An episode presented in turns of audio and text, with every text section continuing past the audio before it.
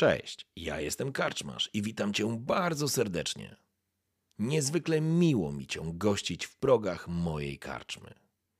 A teraz usiądź wygodnie, odpręż się i daj porwać się historii, którą mam do opowiedzenia. A jeśli spodoba Ci się to, co usłyszysz, zawsze możesz rozważyć wsparcie mnie za pomocą patronite.pl. Link znajdziesz w opisie. Życzę miłego słuchania. Oby nam się! Marsara 2499 rok. Sektor Koprulu. Grudzień. Kilka dni po tym, jak obca flota zniszczyła Czałsarę, wypalili ich do gołej ziemi. Ale teraz, teraz to nieistotne. Istotne jest to, że Montgomery, w skrócie Monty, jedzie na zaprogramowanej ciężarówce prosto w kierunku stacji Backwater. Po tym jak nadał sygnał SOS z em, do, do sił Konfederacji, żeby, żeby ściągnąć pomoc na Marsarę, ponieważ okazało się, że jeszcze inna, zupełnie inna rasa obcych pojawiła się na tej planecie. Teraz widząc na horyzoncie ciągnące się dymy i łuny ognia, wie o tym, że stacja Backwater jest już atakowana. Zresztą ostatni komunikat Jeffersona jasno i wyraźnie o tym wam powiedział. To on prosił o to, aby uruchomić informacje przez sygnalizator w sektorze Charlie Bravo 8 i uruchomienie sygnału SOS. Monty znalazł. Monty znalazł. Czekajcie, jeszcze muszę zobaczyć jedną rzecz. Musicie mi powiedzieć, czy. Cholera, gdzie to jest? Sekunda. Ja nie wiem, czy na tym działaliśmy. E, powiedzcie mi, czy wy słyszycie zmianę głosu, czy nie? Raz, dwa, raz, dwa, raz, dwa. Raz, dwa, raz, dwa, raz, dwa, raz, dwa. Powinniście słyszeć, tak mi się wydaje. Tak, słyszycie dobrze. To jeszcze jedną rzecz chcę sprawdzić. I teraz, e, tak. Teraz. Czekajcie, raz, dwa, raz, dwa, raz, dwa, teraz. Słyszycie mnie? Dobra, jest okej. Czekajcie sekundę.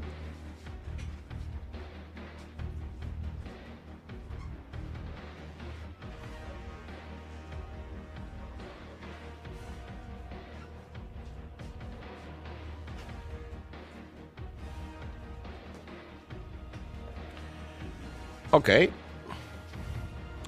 Komunikatory są, łączność mamy, bardzo dobrze. I kiedy udało wam się ostatecznie wejść do bunkru w sektorze Charlie Bravo i nadać sygnał SOS, udało wam się również otworzyć zbrojownię. A tam stał nowiutki Confederate Marine Corps CMC 300, czyli wspomagany pancerz żołnierzy Marines. Wbudowane systemy podtrzymywania życia NBC pozwalające wam funkcjonować w próżni, funkcjonować w napromieniowanym środowisku, w biologicznie skażonym środowisku albo chemicznie skażonym. Umożliwiający oddychanie, poruszanie, nadający wytrzymałość i przede wszystkim wzmacniający wasz, nazwijmy to, egzoszkielet, albo inaczej staje się to waszym egzoszkieletem, który pozwali, ut, pozwala utrzymać coś, co każdemu Marines daje poczucie władzy i bezpieczeństwa. Karabin Gaussa C-14 Impaler. Potężna broń, która strzela 8-milimetrowymi metalowymi pociskami, które wyglądają jak ostrza. Wystrzeliwane są z ponaddźwiękową prędkością. Są zaprojektowane tak, aby penetrować każdy rodzaj pancerza. Oszczędność amunicji oraz oszczędność energii jest niezbędna w tego typu broni. Dlatego Impaler strzela seriami, krótkimi. To pozwala również na większą celność. Kiedy jedziecie na tej ciężarówce zaprogramowanej, zastanawiacie się jeszcze przez chwilę, co to za istoty was zaatakowały. Te dwa wielkości hmm, małych, no, dużych, wielkich psów, byście powiedzieli, albo raczej osła, które skoczyły na was i próbowały przebić się przez wasz pancerz. Udało wam się ich pokonać, czy je, ale doskonale zdajecie sobie sprawę, że że jeśli ich jest więcej, to stacja Backwater ma duży problem. I kiedy stoicie, stojąc na tej wywrotce, na tej części ładunkowej, opierając się o ręką o kabinę, której autopilot prowadzi samochód tak, aby dojechał do stacji Backwater, trzymacie w ręku, tak właściwie oparty na ramieniu, swój, swój karabin. Dostrzegacie, jak po tych wybojach, to jakby nie jest dla was, dla was większym problemem. Utrzymujecie się bardzo stabilnie w swoim pancerzu, więc czujecie się absolutnie bezpiecznie. E, myślę, że również e, kwestia tego bezpieczeństwa spowoduje, że ja wam, e, szanowni, ściągnę stres, który mieliście, bo mieliście dwa punkty stresu. I macie. Tak naprawdę nie będziemy martwić się o pociski, chyba że podczas ataku wypadnie wam pech. Wtedy uznajemy, że walicie pełną serią. Do skończenia magazynka. I macie jeszcze jedno przeładowanie, tak jakby przy sobie. I kiedy jedziecie w kierunku stacji Backwater, dostrzegacie natychmiast z pewnej odległości, jak linia bunkrów, a dokładnie trzy bunkry od strony wschodniej i zachodniej, wy zjeżdżacie od strony wschodniej, wjeżdżacie w kierunku Backwater, które umiejscowiony jest pomiędzy dwoma górami, które naturalnie chronią je od północy i południa, pozwalając obrońcom utrzymać szyk, albo inaczej nawet nie szyk, tylko odeprzeć przeciwników, którzy ich atakują. Natychmiast na wizjerze dostrzegacie, jak skaczące istoty bardzo podobne do tych, które widzieliście przy bunkrze, które was zaatakowały, hordami atakują jak fale. Nie przesadzałbym, że to nie, jest, to nie jest tak, że tysiące tych istot, ale dziesiątki tych istot w specyficzny sposób skacząc, rzucają się w kierunku, e, w kierunku bunkrów. Natomiast z bunkrów cały czas słyszycie lecący ostrzał. Słyszycie jak te działa, karabiny Marines cały czas rozwalają, po prostu ro rozbijają na strzępy istoty, które próbują się do nich zbliżyć. Wy jedziecie dalej, zjeżdżając, zjeżdżając tą ciężarówką. I teraz te istoty was na tym etapie jeszcze nie widzą. Co chcecie zrobić? Chcielibyście z pewnością dostać się na linię bunkrów, do linii bunkrów, ale zdajecie sobie sprawę, że przede wszystkim byście musieli nadać jakąś kod informacyjny, jakby zapowiedzieć się, że jedziecie. Z drugiej strony zeskoczenie z wozu i przejście pomiędzy zerglingami będzie karkołomnym wydarzeniem. Więc e, co chcecie zrobić? Czy wystrzały nie były zbyt głośne?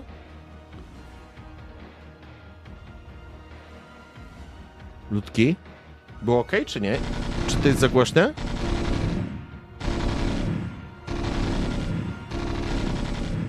No i no dobrze. To niech to cały czas sobie w tle leci.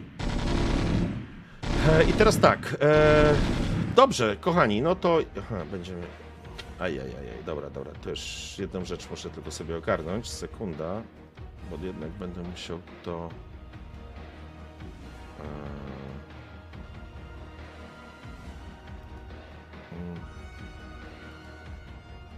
Zaraz się ogarnę, poczekajcie.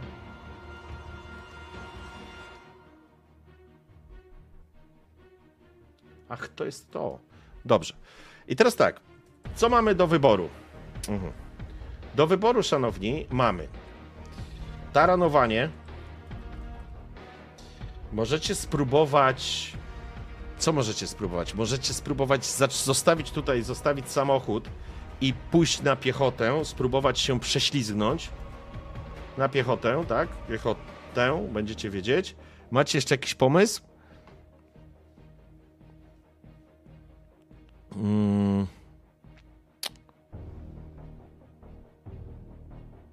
Ludki, macie jakiś pomysł? A, no oczywiście, komunikacja z radiem. Dobra, okej. Komunikacja, w porządku. To znaczy, ja zakładam, że tak czy siak będziecie, jeżeli, jeżeli podejmiecie, y, będziecie próbowali się skontaktować z nimi, nie? Więc, e, więc ja zakładam, że zakładam, że że będzie sytuacja, że tak czy siak będziecie nadawać jakiś komunikat, więc to, to wyrzucimy. No co możecie jeszcze zrobić? Ostrzeliwać z ciężarówki? Możecie, no ale jeżeli wjeżdżacie i będziecie strzelać, to ja zakładam, że to jest to samo trochę co z terenowaniem, nie?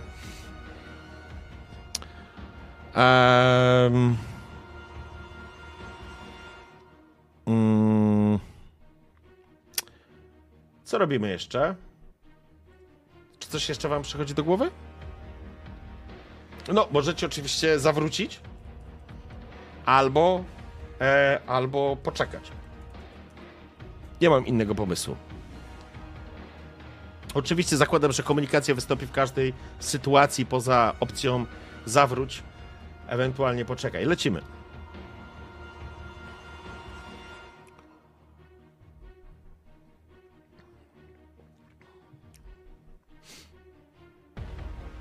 Głosujemy, szanowni, na Twitchu. Jeszcze raz wrzucę wam link.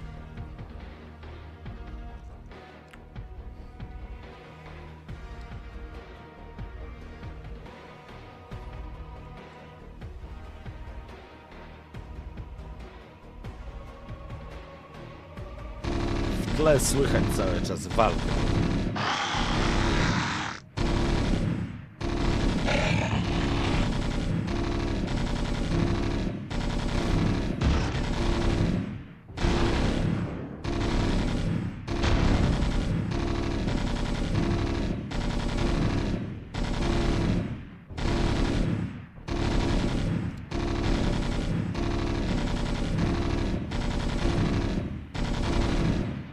Taranowanie, w porządku.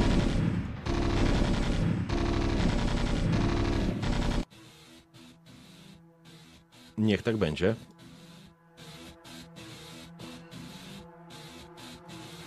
Przez interfejs kombinezona, kombinezonu najdzie- nadajecie komunikat, silnik zaczyna pracować. Moc zaczyna się zwiększać. Chwytacie się za jakiś taki metalowy pałąk, ustawiać swojego ustawiacie swojego impalera na dachu i zaczynacie się przyglądać. Tymczasem jednocześnie nadajecie komunikat do bunkra.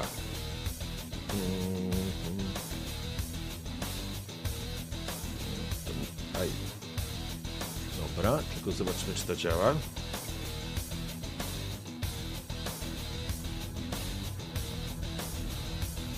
Sekunda.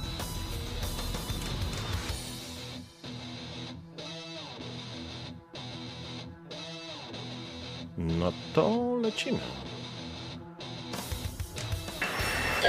Stacja Bakewater, stacja Bakewater, kod dostępu Omega Alpha Alpha Tango Lima Mike Foxtrot Sierra. Nadjeżdżam z sektoru Czary i Bravo 8. Nadałem sygnał SOS, jadę ciężarówką, wjeżdżam między bunkry, nie ostrzeliwajcie mnie. Kod dostępu Omega Alpha Alpha Tango Lima Mike Foxtrot Sierra. Zaczynacie pruć. Samochód wyje, wyrzucając z, z bocznych wydechów chmury dymu. Utrzymujecie się i kiedy nagle potężne koła zaczynają miażdżyć małe istoty, słyszycie z dołu tylko wrzask i jakiś taki specyficzny pisk, który za wami gdzieś się ciągnie. Istoty próbują wskakiwać, słyszycie jak uderzają w boczne burty z jednej i z drugiej strony, jak się odbijają, jak wpadają na potężne koła, jak się zaczyna to wszystko mielić i miażdżyć, kiedy słyszycie jak broń cały czas z takie smugi ognia z, z karabinów, z e, otworów strzelniczych, z bunkrów ładują się w istoty, które z jednej i z drugiej strony padają, zasyłając, tak naprawdę zasypując całe podłoże martwymi flakami, wnętrznościami, krwią i wszystkim tym, co wylewa się z rozrywanych przez was ciał. Właściwie przez ogień. I kiedy wy wjeżdżacie, ja teraz będę chciał, żebyście sobie, szanowni, będziemy rzucać na pilotowanie. Potrzebujecie jeden sukces. Żeby coś głupiego nie wyszło. Zaczynamy w takim razie. Mm, poszło. Wow, mamy piękne dwa sukcesy, słuchajcie. Aha, to, to muszę zabrać. Ankieta. To czemu to? Sekunda. Czekajcie, bo mi się coś tutaj jeszcze zepsuło.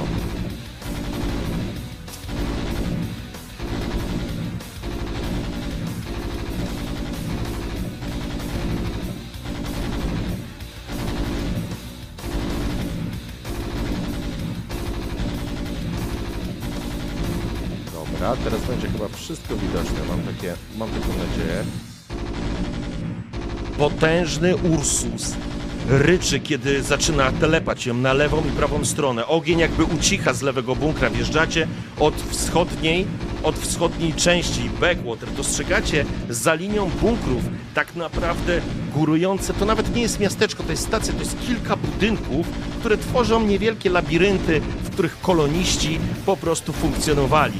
A wy tylko utrzymujecie się, kiedy ten samochód po prostu przejeżdża? I tak jak na zasadzie autopilota wjeżdża przez taką hałdę trupów, przejeżdża miażdżąc je, słyszycie tylko za sobą gdzieś wrzeszczące, e, wrzeszczące istoty, które próbują się do was przedrzeć, ale linia ognia, która was odgradza od nich, absolutnie utrzymuje je z dala, z dala od was. Wy zeskakujecie z bunkra, dostrze- to znaczy z, z ciężarówki, która się zatrzymała. Na wizjerze dostrzegacie masę skaczących istot, które trochę jak, jak, jak, takie, jak kangury skaczą takimi wielkimi susami. Ogień cały czas ładuje z lewej i z prawej strony. Oczywiście wyciszenie tego wszystkiego powoduje, że nie ogłuchliście, ale trzymając swój karabin, ostrzeliwując się, zmierzacie do jednego z bunkrów. I to jest taki moment, w którym e, wycisza się, e, macie wrażenie, że wyciszają się e, wystrzały, widzicie te istoty, które nie są w stanie do was dojść i dostrzegacie, jak drzwi się z bunkra otwierają. Staje w nich mężczyzna, który jest również ubrany w, w taki kombinezon jak wy. Wskazuje wam ręką, osłaniając, czy coś się, że tak powiem, nie wyskoczy z tamtej strony. Kiedy wchodzicie do bunkra, który jest bardzo podobny do tego, w którym znaleźliście swoje CM, CMC, dostrzegacie, że tutaj cały czas trwa ostrzał. Widać, że przy strzelniczych otworach są ustawieni Marines, ale nie tylko Marines, przede wszystkim milicja lokalna, więc to nie jest tak, że to są wszyscy e, żołnierzami. To absolutnie tak nie jest, to raczej są po prostu E, tu są po prostu żołnierze, którzy, to znaczy milicja mm, Backwater, która po prostu ostrzeliwuje się z tych bunkrów. Mężczyzna, który stoi przed wami jest również w konfederackim CMC. Słyszę, podnosi się, podnosi się jego e, przyłubica. Spogląda się na was mężczyzna, który powiedziałbym jest w sile wieku, może być nawet starszy od e, naszego towarzysza od Montiego. I ja się przełączę. Spogląda się na was, mruży lekko oczy. Widzicie na jego ramieniu symbol, jest to sierżant. Spogląda się na was jeszcze raz. Kim wy jesteście do kurwy nędzy? Jesteście jednym z konfederatów, którzy przyszli nam kurwa pomóc? Czy jesteście tu chuj wie skąd? Mężczyzna mierzy was, zastanawiając się, kim właściwie jesteście. No i teraz jak robimy? Wyjaśniacie? Wyjaśniacie? Stawiacie się?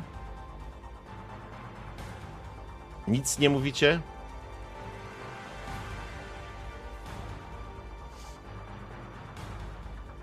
Lecimy.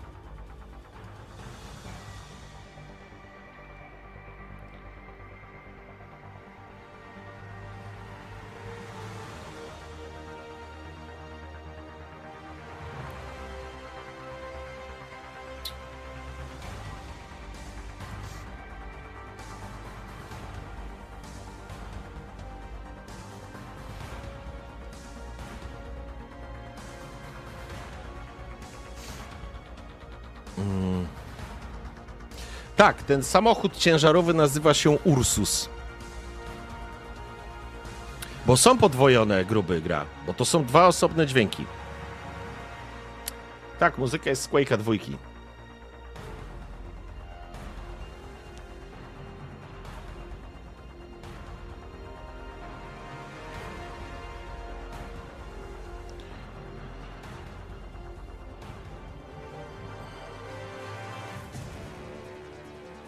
Wyjaśniacie.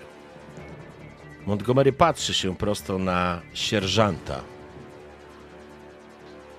Dla Montiego to nie jest kwestia zastanawiania się. Nie, to w ogóle nie jest taka kwestia. To jest były marin. Człowiek, który zawsze lubił słuchać rozkazów. Człowiek, który je wykonywał z perfekcyjną dbałością o szczegóły. Człowiek, który nie miał skrupułów. Człowiek, który zapłacił za, te, za ten brak skrupułów jedną z wyższych cen. A teraz spogląda w oczy mężczyzny, który próbuje od niego wyciągnąć jakiekolwiek informacje. I to jest dosłownie chwila, kiedy Montgomery. E, tak. Poczekajcie. Ojej, gdzie ja to mam? Okej. Okay. Kiedy Montgomery Revolt przykłada rękę do czoła, Montgomery Revolt, ex-kapral Konfederackich Sił Zbrojnych, melduje się na rozkaz. Przybyłem z sektora i zaczyna opowiadać o, de- o tym, że jest faktycznie tylko pracownikiem fabryki, że był ex-marines, że odebrano w w fabryce informacje od e, zarządcy Jeffersona o tym, że ktoś musi nadać sygnał SOS przez sygnalizator w sektorze Charlie Bravo. O tym, jak dostał się do bunkru, o tym, jak znalazł CMC, o tym, jak nadał ten sygnał i o tym, jak został zaatakowany przez dwie istoty, które wcześniej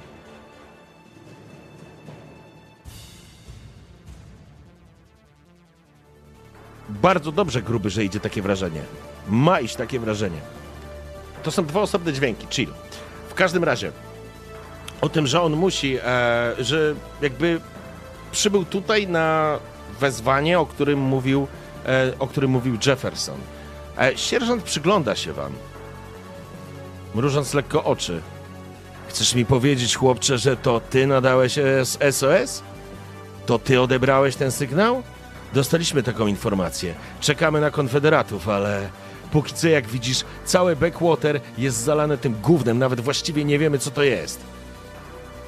Ci obcy próbują rozszarpać nam gardła, a ci, którzy pozostali w backwater, to jest jedynie garstka, która czekała na drugi transport. Jesteśmy uwięzieni w linii bunkrów i będziemy czekać tu i będziemy wystawieni jak pieprzone kaczki do odstrzału, rozumiesz? Revolt? Nie interesuje mnie to, że jesteś ex-marines. W tej sytuacji powołuję cię do czynnej służby. Od tej chwili jesteś kapralem konfederackich sił zbrojnych. Rozumiesz to, Montgomery? Przyglądacie się jemu i przykładacie rękę do czoła. Tak jest, sierżancie. Bardzo się cieszę, że ktoś z was w ogóle tutaj trafił. Mamy krytyczną sytuację. Nie mamy kontaktu z centrum dowodzenia. W tle cały czas słyszycie, jak wystrzeliwane są wystrzeliwane są dziesiątki pocisków, które rozrywu, rozrywu, rozrywają kolejne, kolejną falę kolejną falę przeciwników.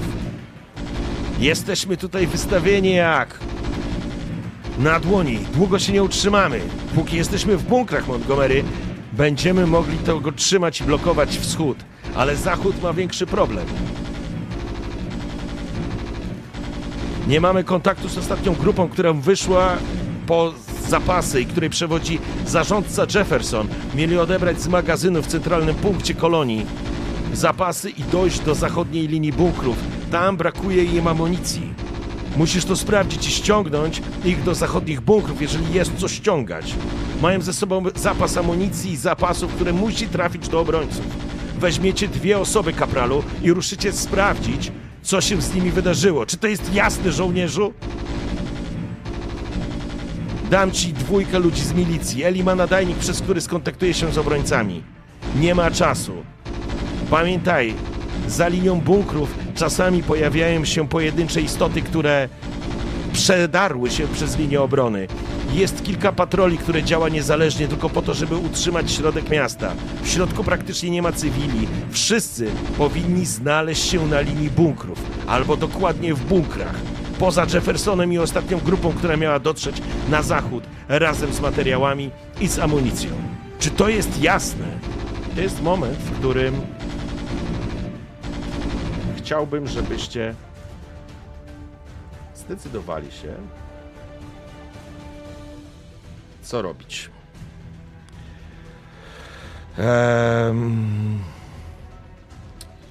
Wykonujecie rozkaz. Chcecie o coś dopytać?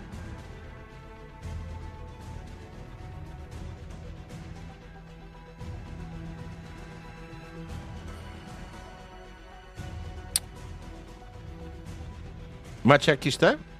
Macie jakieś pytanka?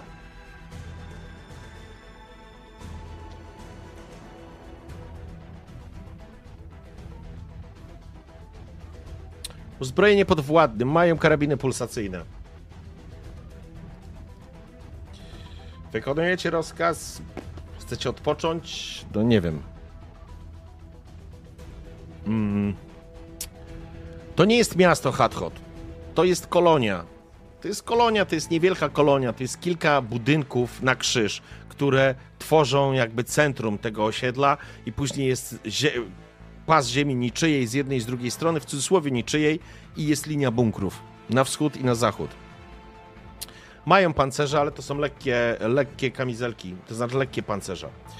E, co możemy zrobić? Wykonujecie rozkaz. E, co, możecie nie wykonać rozkazu. Co jeszcze możecie zrobić?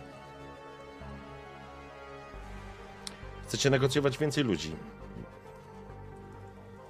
Potrzeba więcej ludzi. Coś jeszcze? Jak macie jakieś pomysły, wrzucajcie na czat.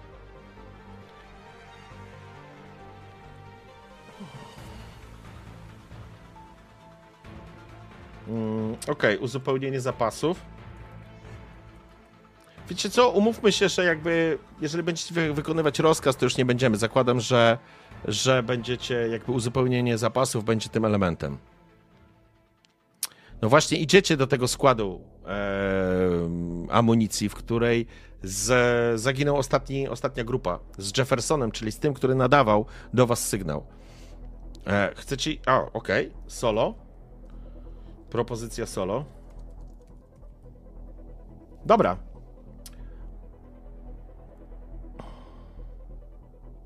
Czy zaginiona grupa ma jakiś lokalizator? To jest dobre pytanie. Ja myślę, że lokalizatora nie ma jako takiego, natomiast wiadomo było, że wychodzą z budynku administracyjnego i będą kierować się do pobliskiego magazynu, w którym znajduje się skład. I z tego magazynu mieli zabrać zapasy i ruszyć w kierunku, e, w kierunku wschodniej linii e, bunkrów. E, lecimy.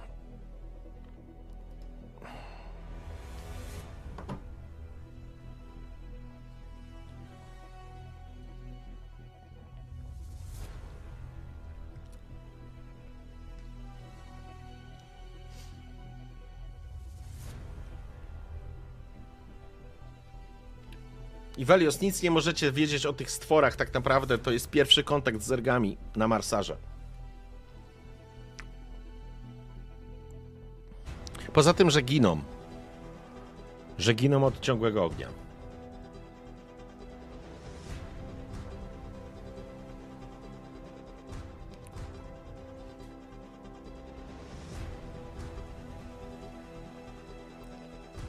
Dostrzegacie tak naprawdę po tej grupce obrońców, która jest w tym bunkrze, to jest dosłownie może kilkanaście osób, może kilkanaście osób, ale ale widzicie po prostu przerażenie.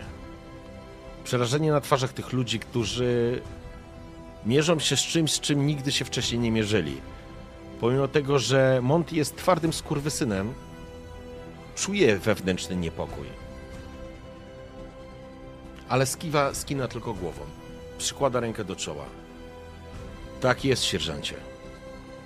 Poproszę o tą dwójkę i...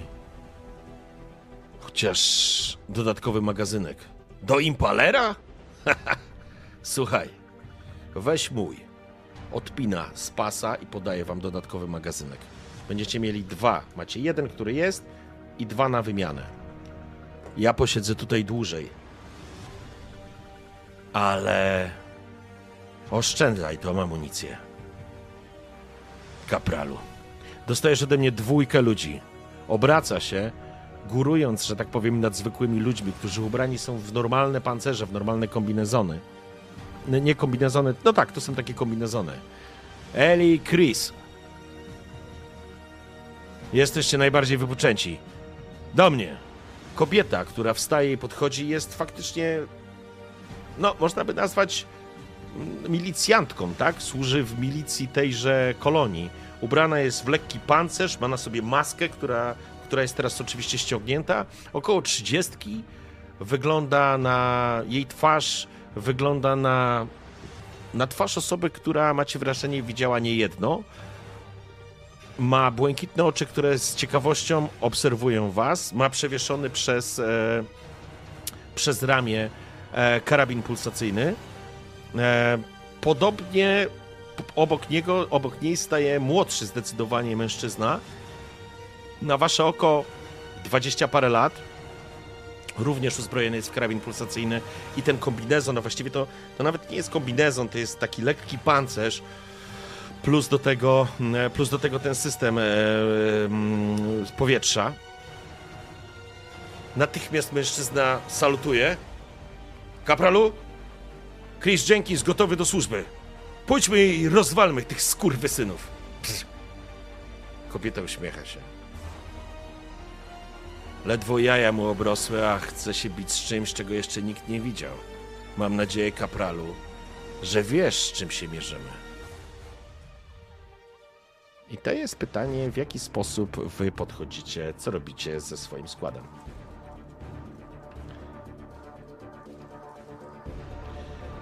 E, co możemy zrobić? Możemy zrobić tak. Możemy sobie, po pierwsze, może w ogóle najpierw zmienimy trochę muzykę. Tu cały czas oczywiście jest walka, chociaż macie wrażenie, że następna fala nieco nieco zelżała. Jakby wyciągają te, te karabiny, są przerzucane, widać w, kła- kładzione w takie stojaki, widać, że są rozgrzane i są po prostu przekładane kolejne, kolejne karabiny, żeby, żeby się nie przegrzewały. Widać skrzynie z amunicją, częściowo już puste po prostu. Widać jakieś tutaj kilka rozłożonych jakichś laptopów, laptopów datapadów. E, dopiero teraz macie czas zauważyć kilka informacyjnych jakichś takich e, węzłów komunikacyjnych, które są po prostu wyłączone. Wiecie, że komunikacja jest wyłączona, właściwie jest bardzo ograniczona. Łącze satelitarne są poza zasięgiem. Zasilanie 75%, więc wytrzymacie. Widać jakieś porozkładane, wiecie, batony energetyczne, butelki z, woda, z wodą, jakieś otwarte, takie suche pakiety, które, które pozwalają na, które pozwalają po prostu tu przetrwać. Ktoś być może jest również ranny, kilku rannych, które leży, którzy leżą gdzieś po drugiej stronie bunkra. Ale spoglądacie w tym momencie w lekko ironiczne oczy Eli i duże, szeroko otwarte, zapalczywe oczy chłopaka. Chrisa. Właśnie imienia mi brakowało. Więc tak. E, co chcecie, e, co chcecie, słuchajcie, mm, zrobić? Chcecie ich zmotywować? Chcecie podejść do tego. Mm, zmotywować, co jeszcze możemy zrobić? E, możecie ich zastraszyć. E, jakby z- zakładam, że zastraszacie ich nie po to, że zabije was, tylko zastraszacie ich po to, żeby, żeby ich po prostu kontrolować. Możecie ich zmotywować, możecie ich zastraszyć, e, możecie. Możecie właściwie. Co jeszcze możecie zrobić? Mm. Czy spróbować się zaprzyjaźnić biorąc pod uwagę, że Monty ma dwa empatii, jest gościem, który jest zazwyczaj nielubiany, jest outsiderem i i tak naprawdę bardzo źle się czuje w roli dowódcy. Absolutnie nie jest ekspertem w tym i niespecjalnie wie, co ma zrobić. On przywykł do tego, żeby wykonywać rozkazy, a nie do tego, aby je wydawać. Więc e, możemy zrobić tak, że uznajecie, uznać, że wiedzą, co robią. Czyli krótko mówiąc, mamy zadanie do wykonania. Wiecie co robicie, na co się piszecie, jakby na neutralny poziom podejść.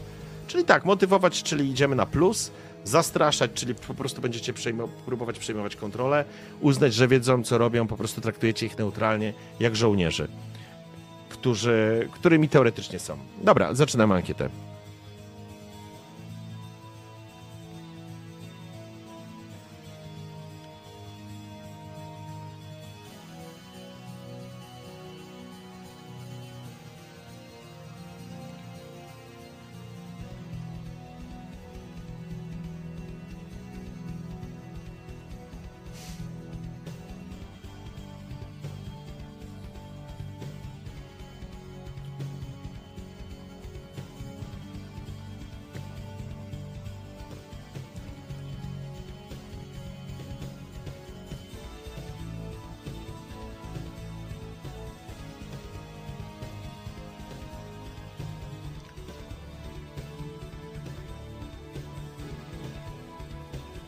Co wybieracie? No, na razie jeszcze sprawa jest na ostrzu noża.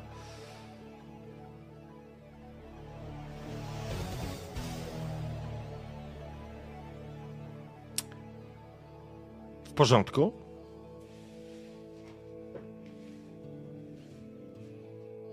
Spoglądacie w oczy Chrisa, w oczy Eli. Mamy zadanie do wykonania. Sierżant wy, wypowiedział się w tej kwestii bardzo jasno. Skoro wyznaczył mi was do współpracy, liczę, że wiecie, jak się zachować na polu walki. Nie będę was niańczył. Jeżeli ktoś zostanie z tyłu, zostanie z tyłu. Misja jest najważniejsza. Czy się rozumiemy? E, tak jest, panie kapralu. Kobieta zmrużyła lekko oczy. Spojrzała się w wasze oczy i to spojrzenie wam się nie spodobało. Ewidentnie nie spodobało jej się to, co powiedzieliście. Ale. Ale nie reaguje. Nie mówi nic.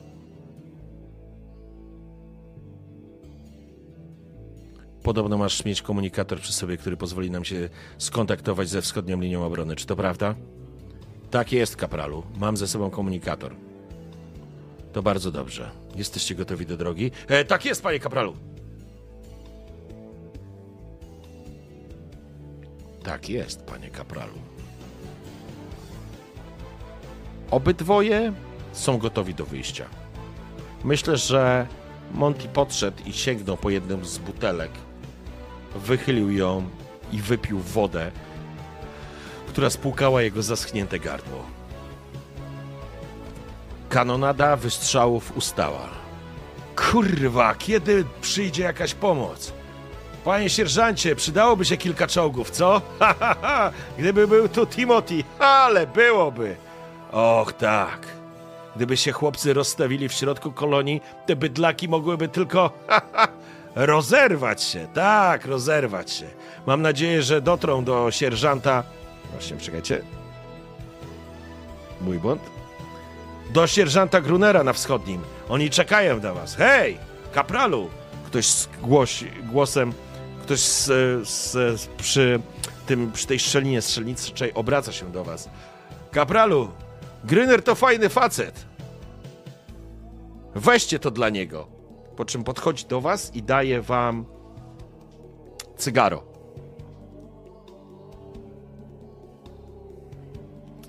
Teraz tak.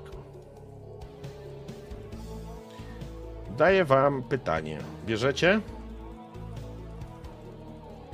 Bierzecie cygaro. Nie bierzecie. Poczekajcie, bierzecie cygaro. Eee... Coś chcecie jeszcze zrobić?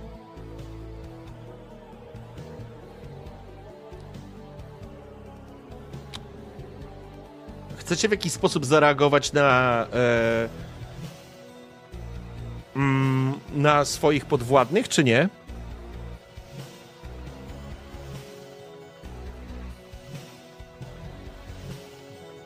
Zróbmy tak. Bierzecie cygaro i załóżmy, że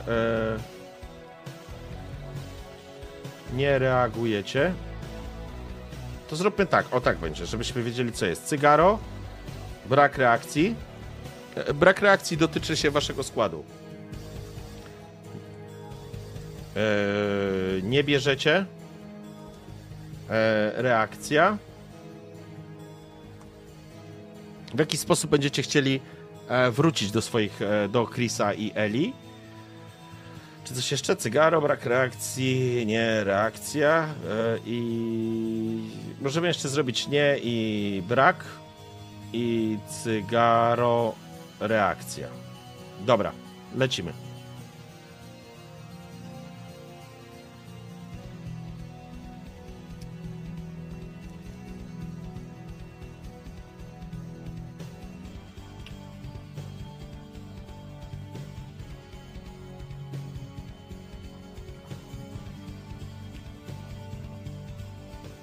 Pamiętajcie, że głosujemy na Twitchu.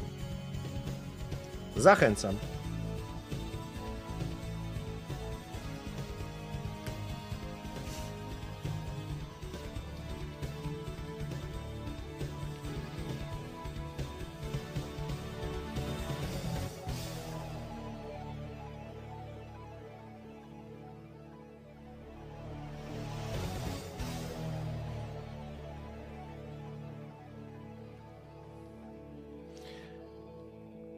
Mężczyzna jest z, jakby z lokalnej milicji, też nie jest Marines.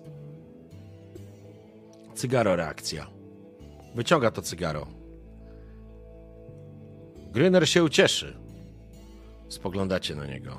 Wyciągacie swoją pancerną rękawicę, rozkładacie ją i on po prostu kładzie. A dla mnie szeregowy? Haha! Oczywiście zapalę je razem z sierżantem. Tym bardziej przynosi i podaje. Zamykacie to i chowacie te cygara, obracając się do dwójki swoich mm, podwładnych, którzy, którzy są gotowi do wymarszu. I teraz moje pytanie: co chcecie zrobić? Chcecie ich zdyscyplinować? E, co możecie ich zrobić? Spróbować motywować? Co chcecie zrobić?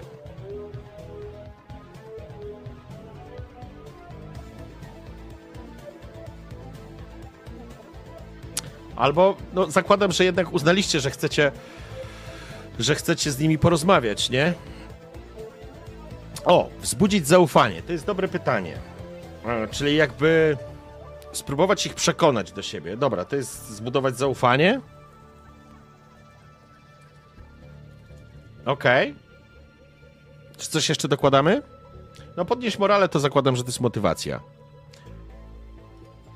Zakładam, że również po tej akcji będziemy po prostu, yy, wiecie, opuszczać.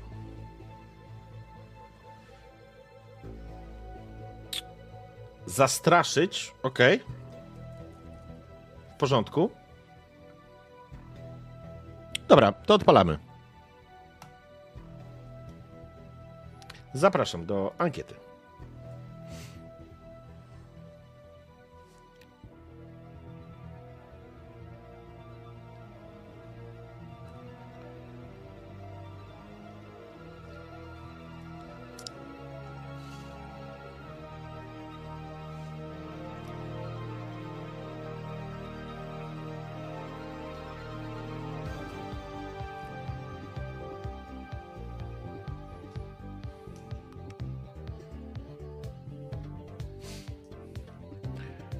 Sierżancie, chyba się uspokoiło. Kolejna fala.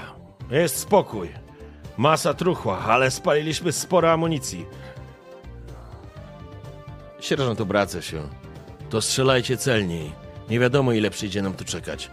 Jeżeli przestaniemy strzelać, to te sukinsyny tu wejdą i wygryzą ci oczy. Chcesz? Ależ absolutnie nie! No i o to chodzi. Obracasz się w takim razie do. Obracacie się w takim razie do Eli i do. Mm, Chrisa. Może źle zacząłem. Przyzwyczajony jestem do żołnierskiego ordunku. Jesteście milicją ze Backwater. To mała miejscowość. Nie macie dużego doświadczenia. A to, z czym faktycznie przyjdzie nam się mierzyć, jest dla nas zupełnie nową i obcą formą wroga.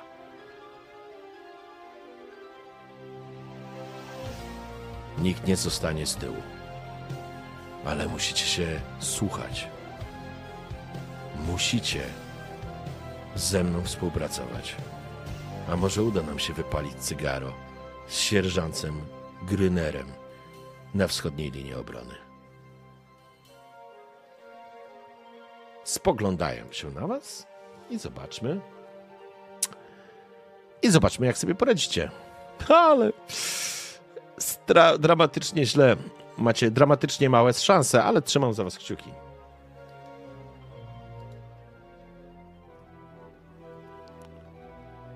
No niestety. Możecie przerzucić a, i to oznacza, że forsujemy.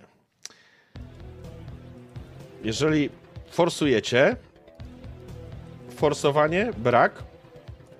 Co to znaczy? Jeżeli weźmiemy forsowanie, to znaczy, że dostaniecie punkt stresu i pojawi się wam dodatkowa kostka stresu, która będzie powiększać pulę mm, kości, którą będziecie zdawać ten test. Jeżeli na którejkolwiek z nich wypadnie sukces, jest ok. Tylko z kością stresu jest ten e, problem, że poza szóstką, która jest sukcesem, ma również jedynkę, która ma facehagera, a to oznacza, że odpala wam się stres. Więc decydujcie. Rośnie szansa na powodzenie, ale e, jakby dostajecie tą kostkę stresu, nie? I stres działa w ten sposób, że no jakby on wam pomaga, ale czasami możecie przegrzać. Albo może się coś wydarzyć, co was po prostu wybije z równowagi.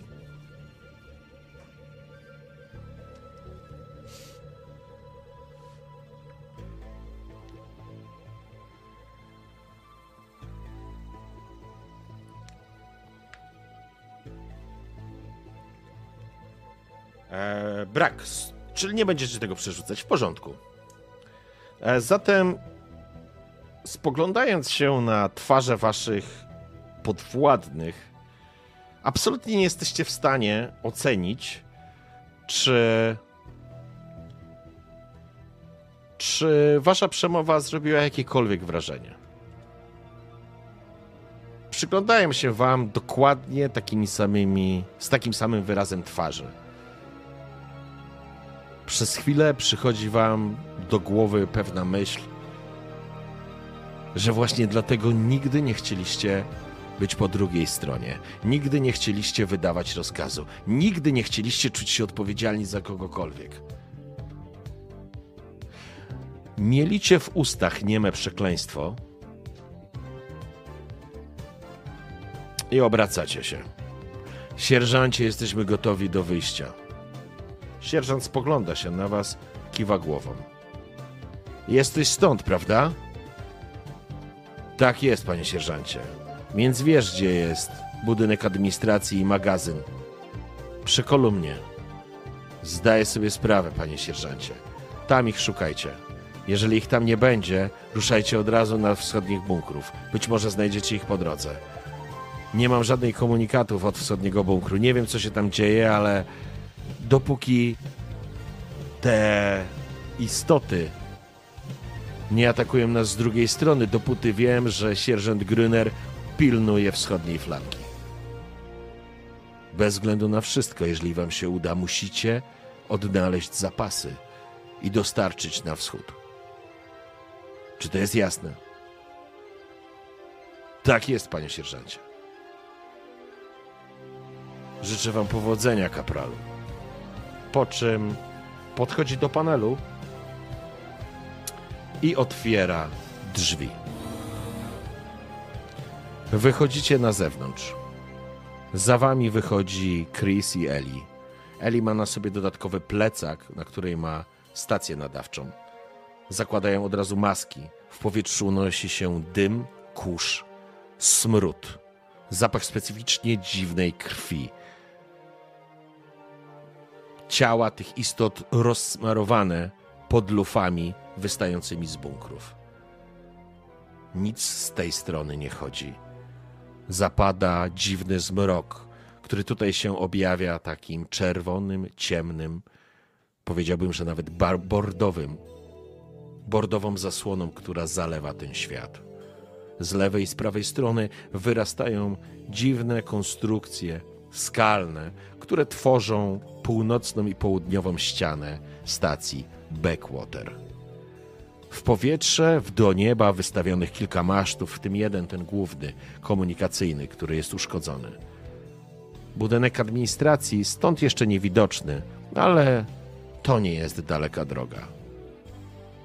Spoglądacie się za bunkier, w kierunku bunkra, w których w drzwiach stoi sierżant. Macha wam ręką, życząc powodzenia, po czym zamyka drzwi.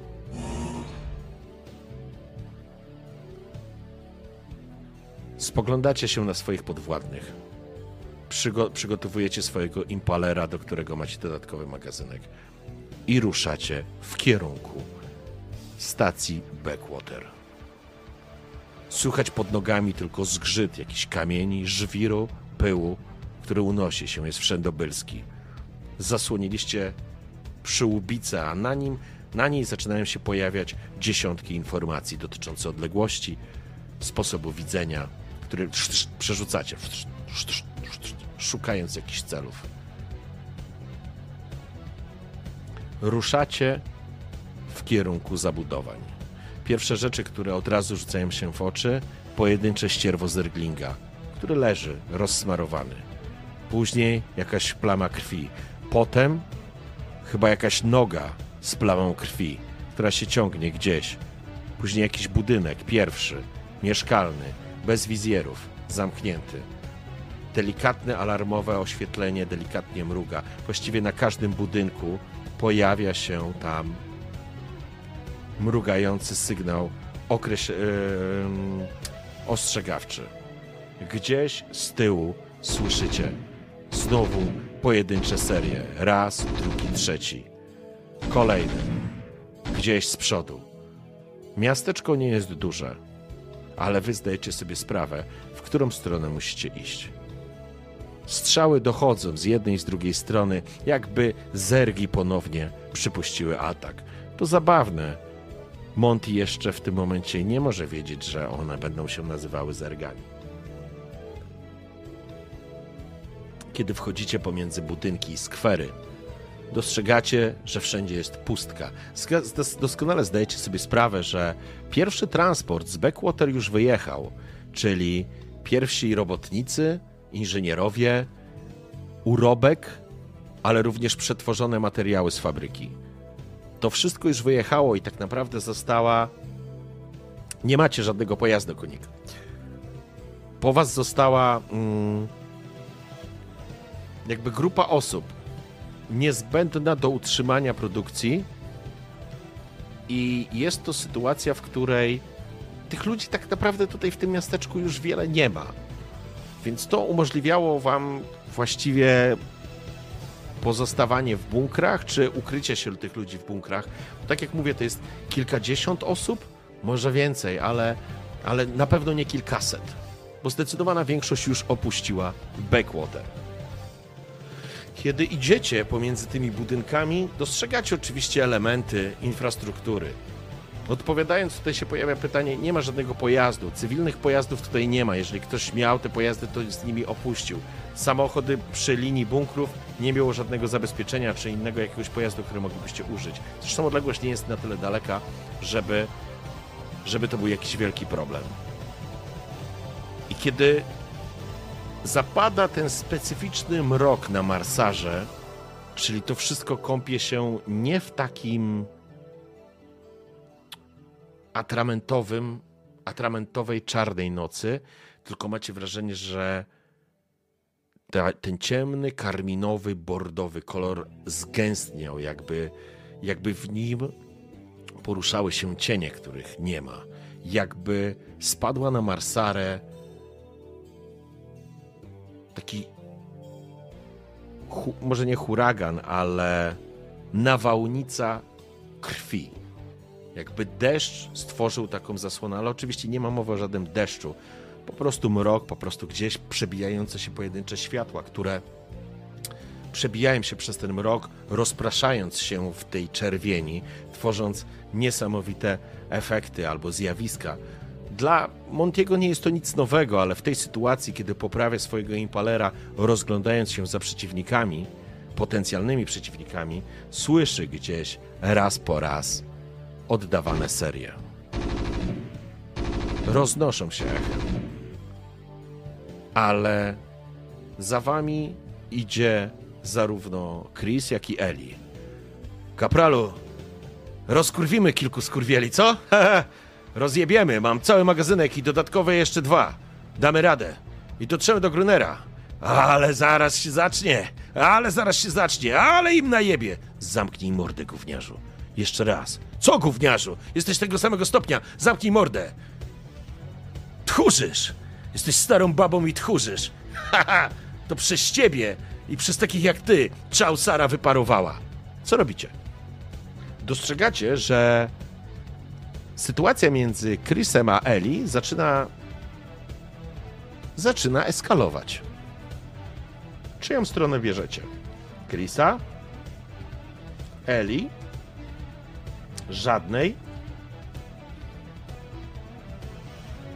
Żadnej w takim znaczeniu, że urywacie to, nie reagujecie.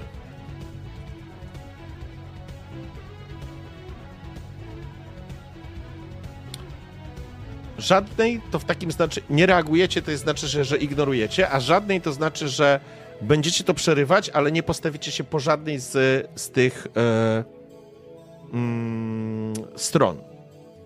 Lecimy.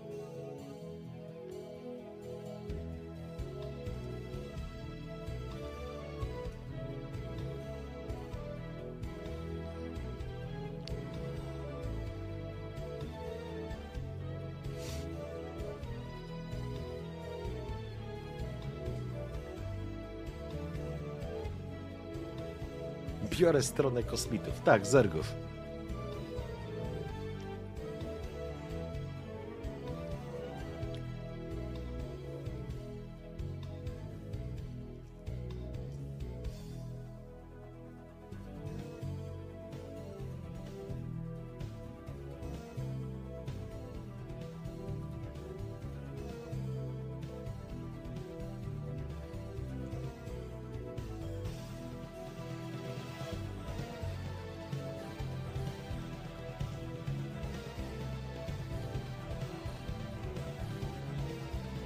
Ho, ho!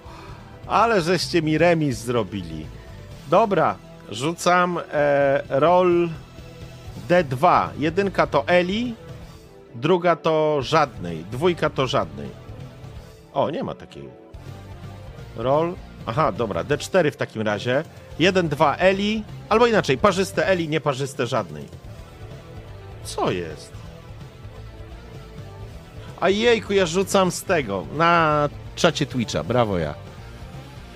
Mm, Dobra, tutaj możemy rzucić właściwie, poczekajcie. Eee... 1K6, o, 1K6. O, to zrobimy tak.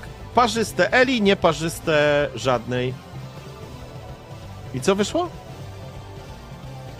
O, ja mam... Aha, dobra, już wiem, co się, wyda... wiem, co się wydarzyło, dobra. Czekajcie. Ojejku, dobra. Sekunda. A, poczekajcie, bo coś mi nie gra. Dlaczego rzut nie jest widoczny?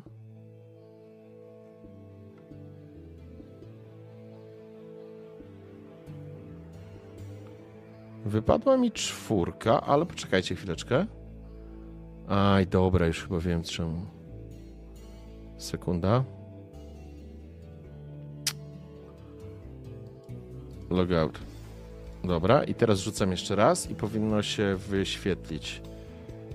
Ale to i tak powinno się wyświetlić. Dobra, rzucam jeszcze raz.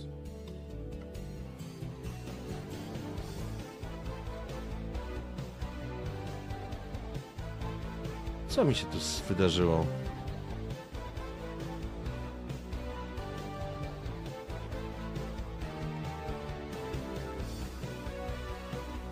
Czekajcie chwileczkę. Mam jakiś techniczny problem. Dobra, wypadł mi z tym, ok? Eee...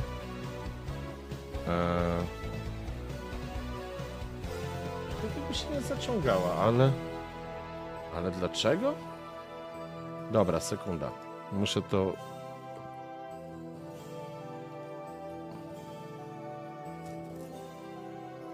Odświeżyć, poczekajcie.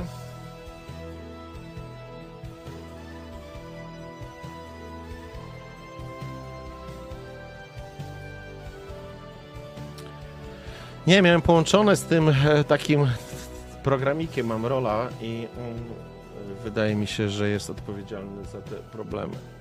Eee, dobra.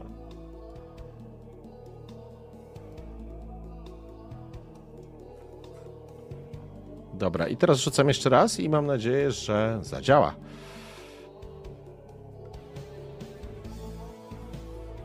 Kurde, no nie wypluwa tej informacji, a dlaczego nie?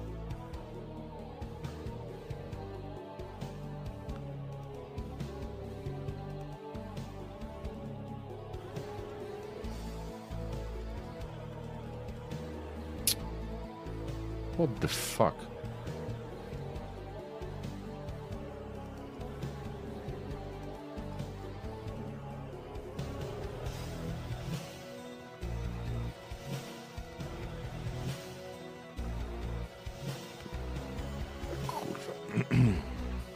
Dobra, wiem co zrobię, moment. Muszę to usunąć gówno. Dobra przeładować. I tu też przeładować. Mamy małe problemy techniczne, sekunda.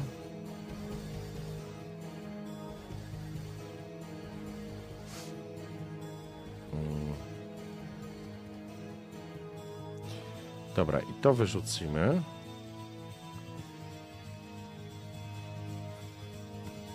Teraz bym chciał rzucić z tego.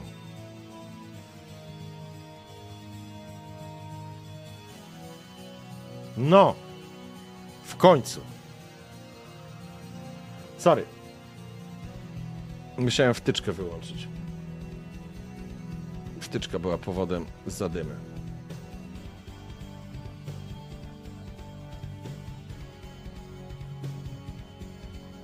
Dobra, e, to jeszcze raz, bo ja nie pamiętam. Parzyste to była Eli, a nie parzyste to było żadnej, tak? Dobrze pamiętam?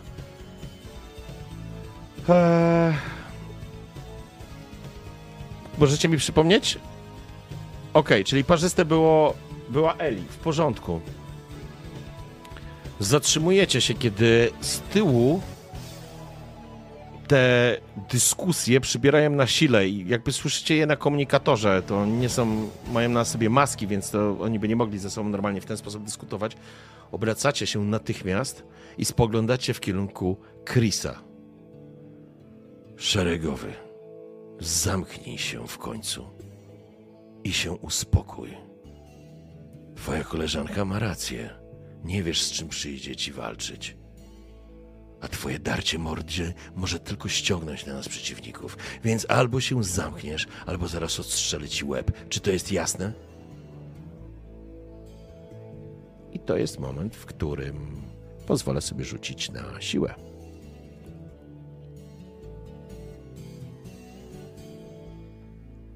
Nie udało wam się zastraszyć go, ale możecie to forsować. Chcecie to forsować? Force? Nie.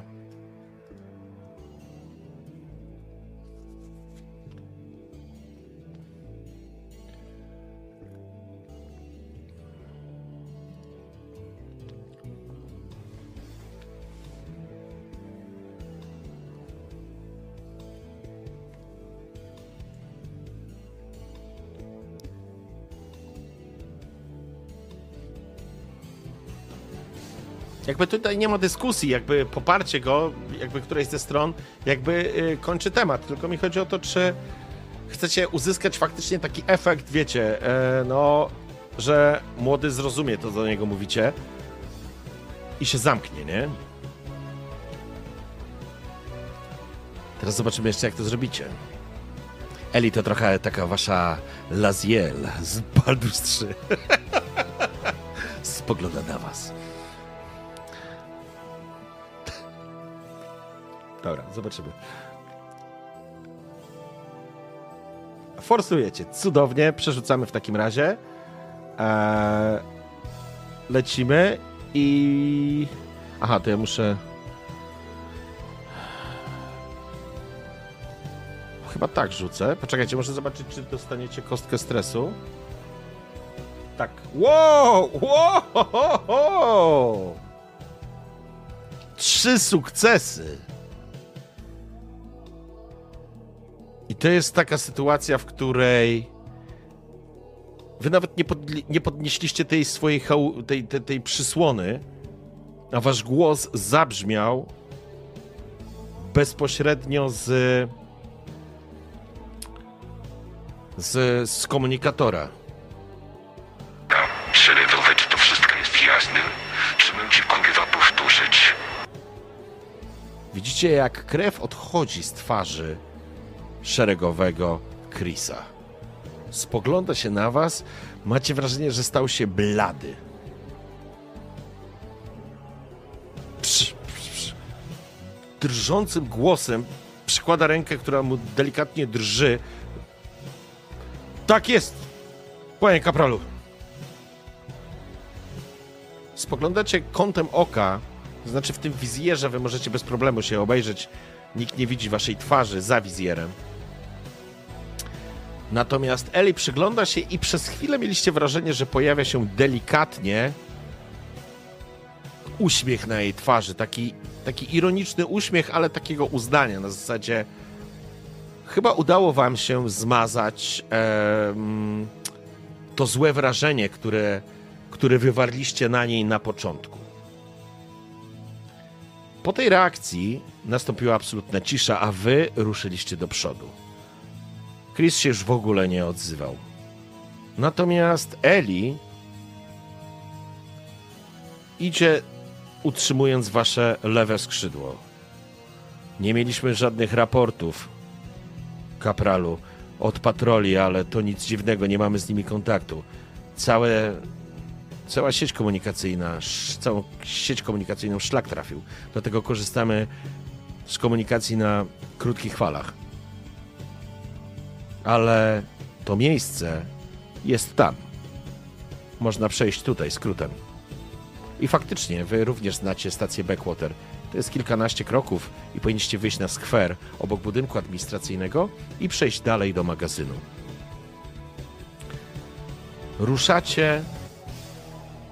Ruszacie wzdłuż ściany czy takiej uliczki. Trudno nazwać to uliczkami, wiecie, tutaj tu, tu nie ma dróg, tu nie ma wiecie, ulic, tu jest, powiedziałbym, zwykła ubita ziemia albo elementy kamienne ziemi, rozumiecie? I kiedy wychodzicie na taki placyk i zaczynacie po prawej stronie widać budynek administracyjny, który jest zamknięty. To nie są, wiecie, piękne budynki, to są konstrukcje takie kolonialne, więc one są bardzo uproszczone, bez żadnych ozdobników w wielu przypadkach. Oczywiście z flagą Konfederacji, ale jakby Tutaj nie ma pięknych okien, witraży czy czegokolwiek takiego. Może jest jakiś baner reklamowy, coś w, te, w, ten deseń, ale, ale nic jakiegoś takiego, wiecie, bardzo fancy. Zwłaszcza, że jesteście, no umówmy się, na zadupiu na tej planecie Marsara. A kiedy idziecie dalej, dostrzegacie magazyn, który faktycznie znajduje się bardziej w oddali. Jak przyjdziecie przez ten skwer, po prostu wejdziecie. Ale widać, że drzwi do tego magazynu są uchylone, tak jakby, jakby brama wjazdowa do tego magazynu jest lekko uchylona. No, powiedziałbym na jakieś, nie wiem, 40-50 centymetrów. Drzwi boczne są otwarte. Widać, że promień światła wypada z po prostu, wiecie, z na zewnątrz i rozprasza się w tej czerwonej, w czerwonej mgle, nazwijmy to w ten sposób. Natomiast dookoła was panuje absolutna cisza. Poza tym, że raz po raz gdzieś faktycznie cały czas w tle słyszycie strzały ciężkich karabinów, czy pulsacyjnych, czy zwykłych, które, które po prostu ładują do czegoś. Co robicie?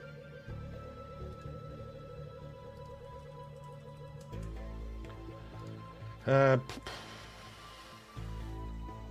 magazyn, czyli tak, idziecie do magazynu. Obserwujecie. Co jeszcze chcecie zrobić? Możecie zabezpieczyć teren na zasadzie, tak mi się wydaje, że wy możecie pójść sprawdzić magazyn, natomiast Eli oraz Chris będą stać na zewnątrz i was ubezpieczać, żeby nic was na przykład nie zaatakowało gdzieś od tyłu. Nie wiem, tak, taką mam jakąś wizję jeszcze. Czyli co zabezpieczenie, zabezpieczenie. Um, nie jesteście w stanie zakraść się do tego e, magazynu Ivelios. No nie wy, wy jesteście w pancerzu wspomaganym, ale możecie wysłać, wydać rozkaz, że mają sprawdzić magazyn e, wasi ludzie.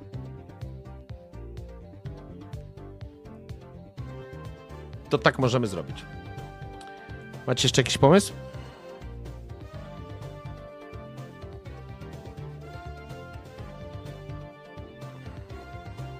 Lecimy.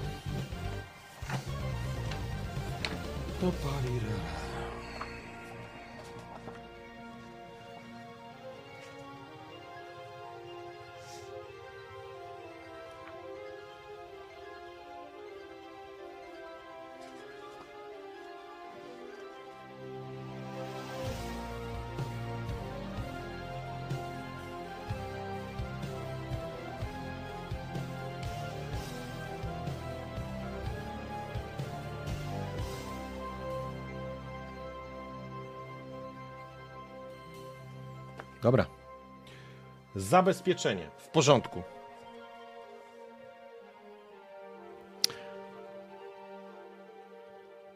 Przyglądacie się przez tą czerwoną mgłę i wydajecie kilka poleceń.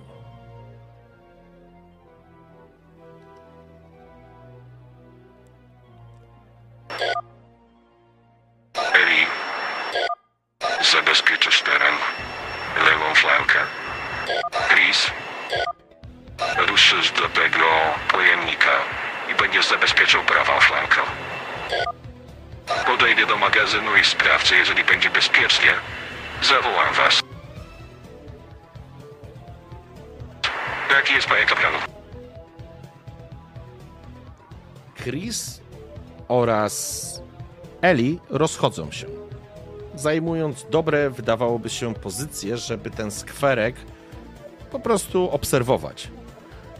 Wytrzymając karabin, ruszacie. Wyjdziecie w tym pancerzu, nie? To jest CMC 330, to jest kawał żelastwa. Idziecie, zbliżając się zbliżając się do tego magazynu, wśród tej czerwonych oparów mgły i rozproszonego światła, dostrzegacie jakieś po prostu porozsypywane, powywalane rzeczy, tak jakby do, do, doszło do jakiejś kolizji, yy, powyrzucane są jakieś, jakby gruz był wywalony, jakby jakiś samochód, może nie samochód, jakiś pojazd uderzył w to. Widać, że miała tu miejsce jakaś walka. Myślę, że nawet możecie gdzieś dostrzec ślady krwi. Ale idziecie w kierunku magazynu z przygotowaną bronią do strzału. I to jest moment, w którym poproszę Was o rzut na spostrzegawczość. I ja ten rzut na spostrzegawczość Wam jeszcze utrudnię na minus jeden. Więc będziecie rzucać. Normalnie byście rzucali trzema kośćmi, ale będziecie rzucać kośćmi dwoma. plus kość stresu, którą macie. Czyli zrobimy minus jeden i lecimy. Wow! Naprawdę! I to jest taki moment, w którym zatrzymujecie się, bo dostrzegacie, jak pod wami droga zaczyna się, droga, jakby ziemia zaczyna drżeć. Rozglądacie się, cofacie się, uwaga, Uwaga, uwaga, przygotujcie się. cofacie się parę kroków i nagle spod tych gruzów, które wyglądały jakby tutaj było coś rozsypane, jakby spod ziemi, zaczynają wyskakiwać istoty, które już wcześniej widzieliście i z którymi ma- mieliście okazję już walczyć. Wyskakują zerglingi, które wykopały się jakby z ziemi. Dostrzegacie raz, dwa, trzy i kolejny, jeden, drugi, trzeci. Jest ich właściwie sześcioro, a wy stoicie z- ze swoim impalerem przed nimi, dostrzegacie te trzy i wydajecie polecenia. Szanowni, walka! Woohoo! Zaczynamy. Ach, nie mam kart. Poczekajcie, kart.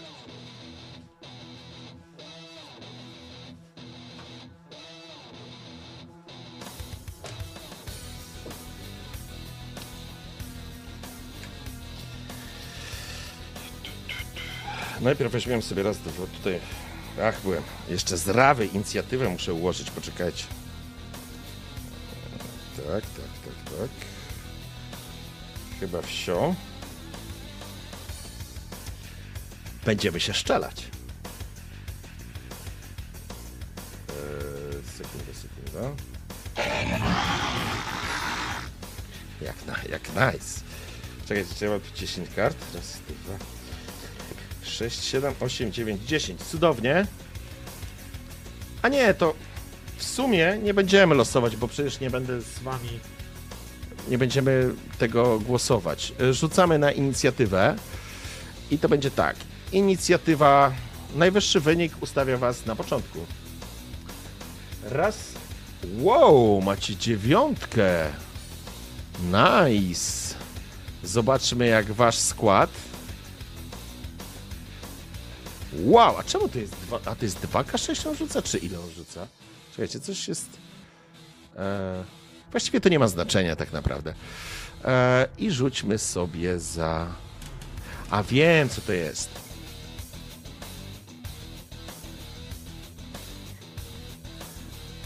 A nie, nie, to powinno być ok. Wow, cudownie, więc fantastycznie. Jesteście w bardzo dogodnej sytuacji. A, widzicie. Więc tak, pierwszy jest. Pierwszym składem jest, są milicjanci, którzy. którzy milicjanci, czyli Eli oraz, e, oraz Chris, którzy, których bardzo dobrze rozstawiliście po, e, po tym skwerze, tak że oni byli gotowi do strzału, więc nie dali się zaskoczyć, zwłaszcza, że ostrzegliście ich cudownie. Później będziecie działać wy, a na końcu będzie działać, będą działać zerglingi. Zerglingi traktowane są jako dwie grupy przeciwników po trzech.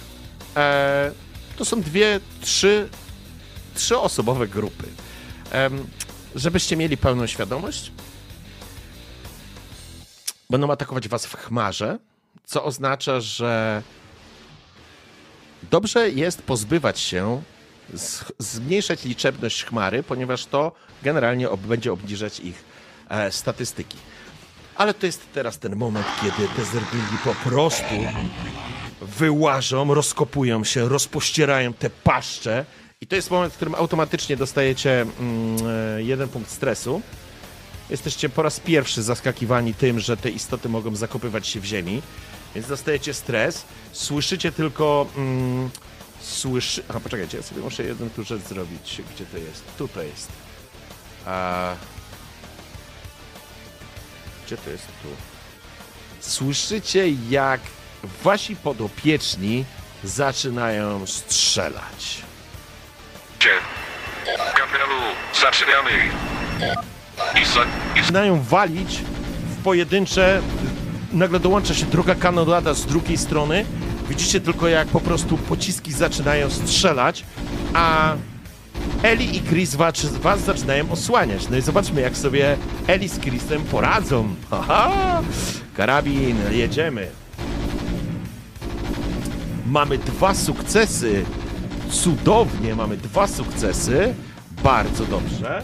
A teraz zobaczmy sobie, jak zerglingi będą się zachowywać. Czekajcie, muszę zrobić sobie tak. O, o tak.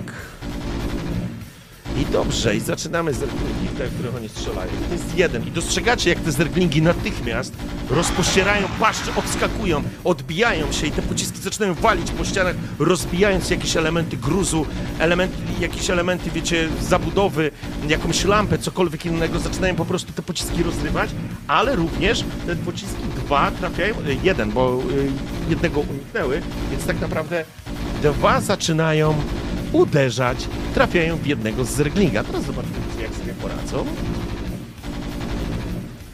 Dobrze, to jest jeden punkt obrażeń. Nasz zergling dostał. Widzicie, jak seria po prostu trafia zerglinga, rozrywając część jego, część jego pancerza, zasyczał, za, za, jakby rozdziawił paszczę i zaczynają wyskakiwać w stronę ostrzeliwujących. Ale teraz jest Monty, który ma do wyboru albo będzie strzelał w grupę zerglingów, która rusza w stronę waszych towarzyszy, czyli w tą, którą już oni raz trafili, albo będzie strzelał w trójkę zerglingów, które wyłażąc przygotowują się na skok na niego.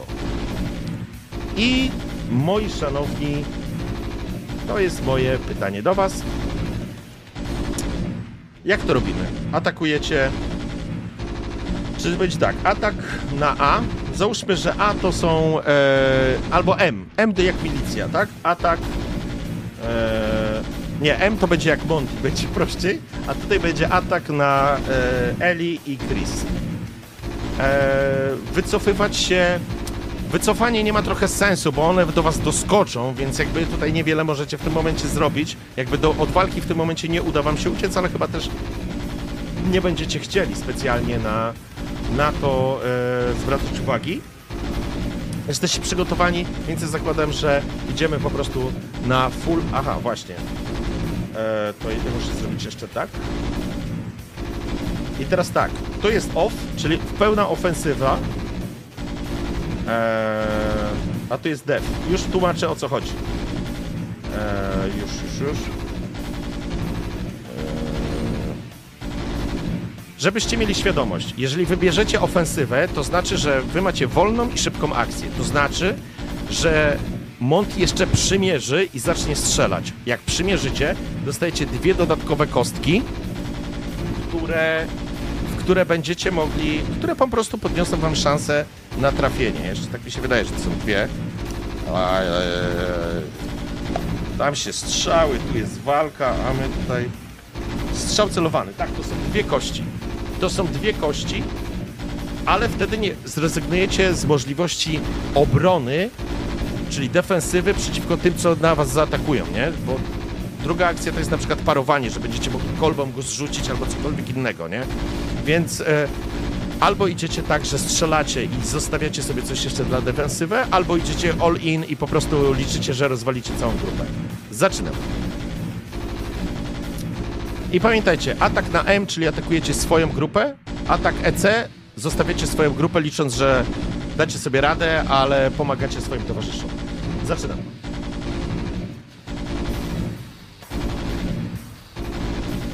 Dobra, ja trochę to wyłączę, żebyśmy nie dostali świra.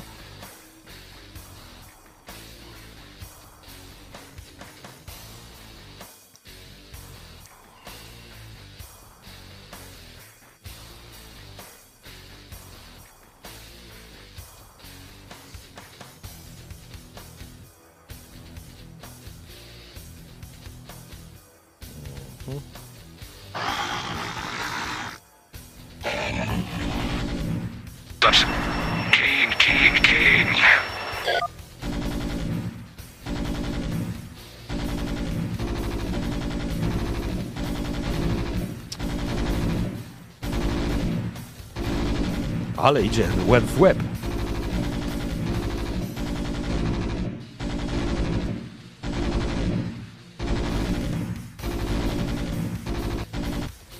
Dobra, atak na czyli na swoją grupę i wchodzicie w defensywę. Więc to jest taki moment, w którym po prostu Monty przekłada, przekłada broń na wyciągniętą rękę, przymierza, ale jakby nie celuje. E, wizjer zaczyna nakładać cele, te wszystkie trzy zerklingi, które właśnie się wykopały, przygotowują się do skoku. One są bardzo szybkie, bardzo zwinne, nie są specjalnie za duże, ale jakby z tej odległości nie stanowi to większego problemu. Przykładacie, e, jakby czekacie na sprzężenie celownika ze spustem, pociągacie za spust i słyszycie ten specyficzny seria, jedna, druga, trzecia, kiedy wystrzeliwujecie serię, mm, serię pocisków. I dobrze, zobaczmy jak to pójdzie. Bez przymierzenia, ale wy macie całkiem spore szanse. Trzymam za was kciuki. No to poszło. No i pięknie. Macie dwa sukcesy. Macie dwa sukcesy. Nie ma licznika amunicji w tej, w tej sytuacji, Kunik. Jest zasada prosta. Dopóki nie wypadnie wam pech na e, kościach pechu, pecha e, nie będziecie, nie tracicie całego magazynka. Jest jeszcze takie coś jak e, strzelanie serią, ale w tej sytuacji to nie będzie potrzebne, bo i tak traktujemy tylko jednego przeciwnika. Więc e, możecie to przerzucać. Zawsze może, to też jest takie informacyjnie, żebyśmy sobie przypomnieli zasady. Macie już dwa sukcesy, to znaczy, że zadajecie trzy punkty obrażeń za, za jeden sukces, bo to jest decyzja o tym, czy trafiacie. Drugi sukces podbija pulę punktów o jeden, czyli będzie cztery punkty obrażeń, które władujecie w przeciwnika. Oczywiście on będzie próbował was wyminąć, uniknąć, zejść z poziomu z, z tego strzału, żeby zniwelować obrażenia, które dostanie. Mm, Ale wy możecie podjąć decyzję, że możecie ten rzut przerzucić. Dostajecie za przerzut kolejną kość stresu. Dwa sukcesy zostają na stole, ale wyrzucacie całą resztą pomniejszoną o te dwa sukcesy pulą kości, żeby zwiększyć możliwość e, efektu. To znaczy zwiększyć efekt. Ryzyko jest takie, że jak wypadnie wam pech, no to mogą się dziać rzeczy. Więc e, dam wam pytanie, czy zostajecie, przerzucacie.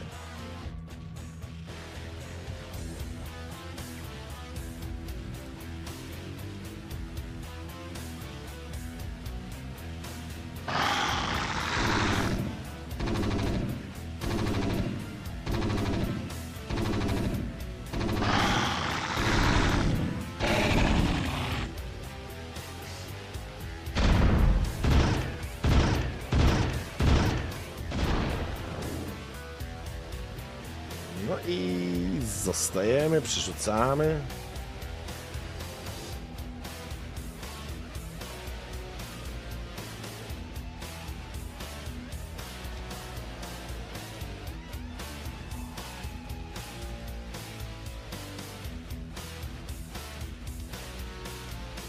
Pociski zaczynają po prostu walić w kierunku, w kierunku tych zerglingów a one rozpryskują się podobnie jak te pociski we wszystkie.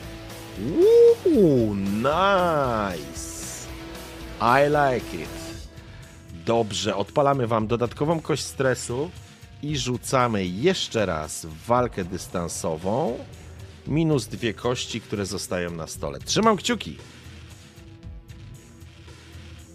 Uhohoho!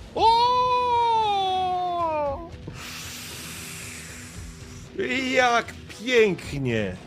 Słuchajcie, macie tak. Raz, dwa, trzy, cztery, pięć, sześć, siedem sukcesów. Macie siedem sukcesów, ale wypada wam na kości stresu e, robal. Robal wypada na kości stresu, więc rzucamy za stresik. Stresik rzuca się K6, plus dodaje się aktualny poziom stresu i wtedy zobaczymy, co się dzieje. Rzućmy, chyba ten, to powinno działać. 5. 5 jest ok. Do szóstki chyba, z tego co pamiętam, nic złego się nie dzieje, więc jest naprawdę bardzo dobry rzut. E, I sytuacja dla was, tylko zobaczę. Oj, właśnie ja to muszę sobie gdzieś zaznaczyć. Kurde. Sorry. Musicie dać mi chwilę.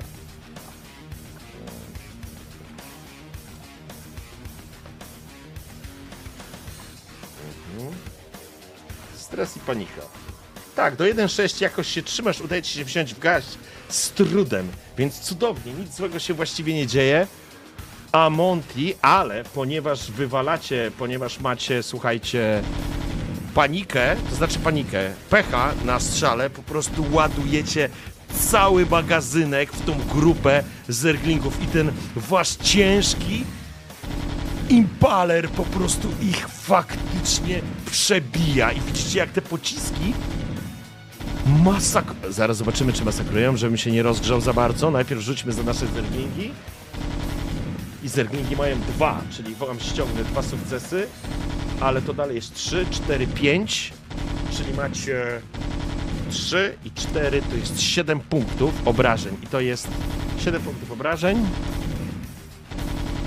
Cudownie. I widzicie, jak ten wasz impaler po prostu pociągacie za swój ser. I po prostu widzicie, jak próbują odskakiwać, ale natychmiast system celowania namierza, rozwala i po prostu tego zerglinga przy tej ścianie rozsmarowują pociski, które są przeznaczone do przebijania pancerzy, do niszczenia każdego rodzaju przeciwnika. On się po prostu pod siłą uderzeń tego impalera, ten zergling po prostu rozpada się, krzycząc i wrzeszcząc, kiedy po prostu rozkłada się na, na części pierwsze. Cudownie. I teraz mamy tak, w sumie tych obrażeń macie 7. 7. Yy, 7, tak? 4, 3 plus 4 to jest 7. 7. I to jest. E, cudowna sytuacja. Ciągniecie za spust i, i wyładowujecie cały magazynek, ale pociski Impalera rozbijają jednego zerglinga, rozbijają drugiego, trzeci próbował skak skakać na was w tym samym czasie, ale system namierzania ściąga go w powietrze, dostajecie korektę, pociągacie za spust i po prostu roz, rozrywacie tego zerglinga kolejną serią e, z waszego Impalera. Zachlapuje wasz wizjer, zachlapuje wasz e, pancerz bojowy. Słyszycie, tak unosi się chmura e, gorącego dymu z rozgrzanej niemalże do czerwoności lufy. Przeładowuje, będziecie przeładowywać broń. Cudownie! Ale w tym samym czasie zerglingi, tamta grupa... A, muszę... Nie mogę drzeć tak mordy. E, grupa zerglingów, te trzy pozostałe po prostu przeskakują, sadząc takie susy w kierunku. Teraz rzućmy sobie w kierunku co, bo zrobiliście bardzo dobrą sytuację, kochani. Zrobiliście sytuację, że rozdzieliliście wasz zespół, więc e, zróbmy tak samo. 1-3 to będzie nasza Eli, a 4-6 to będzie nasz Chris. I 4-6 lecą na Chrisa i Chris Widzicie, jak on zaczyna panikować i zaczyna znowu ładować, po prostu strzela. No one biegną do niego, rozciapiżając te swoje pyski, te rogi, jakby, które wyrostki, które wyrastają im z barków. Macie wrażenie, że zaraz go staranują. I teraz przejdźmy do moich zerglingów. I to są ataki z trzech stron. Och, Chris, jak mi przykro. I jedziemy. Mhm, czemu tylko dwa? Czemu tylko dwa? Ale Chris będzie się bronił, rzecz jasna. Spróbuje się... Spróbuje... Słyszycie wrzask tego Chrisa, który nagle próbuje się bronić i zasłaniać.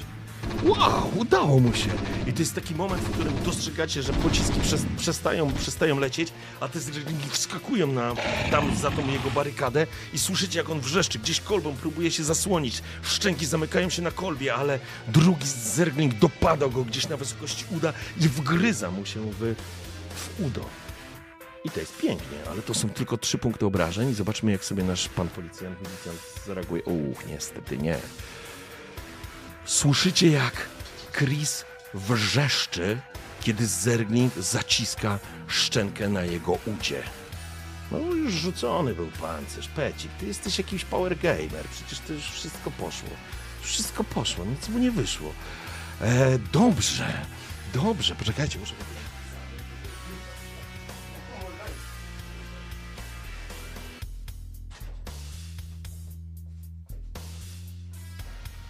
Rzucony był, słuchajcie, pancerz już był rzucony, przecież on ma swój pancerz. Tylko ma słaby, bo ma, jak zresztą widać na załączonym obrazku, tylko dwupoziomowy pancerz. E, dobrze, przejdźmy. Dobrze. I teraz tak. Sytuacja wygląda następująco. Obok Chrisa są trzy zerglingi, które próbują go pożreć, krótko mówiąc. Usłyszeliście jego przeraźliwy wrzask, kiedy one zaczęły go gryźć. I teraz sam Chris będzie próbował, bo e, nasi milicjanci będą pierwsi, więc Chris jest przerażony, on zaczyna wpadać w panikę i zaczyna po prostu strzelać na oślep i zaraz zobaczymy, jak sobie, e, jak sobie poradzi, czy w ogóle sobie poradzi. E, I ponieważ... Poczekajcie, okej, no nawet dobrze, bo miał być jeszcze minus dwa. I słyszycie tylko, jak on wrzeszczy, jak on zaczyna drzeć mordę, pomocy, pomocy, kapralu, kapralu słyszycie strzały. Kapralu pomocy, kapralu pomocy. Słyszycie, jak wystrzeliwuje, te, te pociski latają, te zerglingi są wokół niego, rozpasz, roz, rozpościerając swoją paszczę, przygotowując się do kolejnego ataku. W tym samym czasie Eli przy, próbuje przymierzyć i strzelić w kierunku swojego towarzysza, próbując go, e, rzecz jasna, chronić. I to będzie atak modyfikatorem minus dwa, bo jest w walce i jedziemy. I Eli wystrzeliwuje i słyszycie tylko e, w komunikacji. I teraz przechodzimy do was. Co robicie? Co robicie? Bo słyszycie, jak młody Chris właśnie umiera. Co robicie?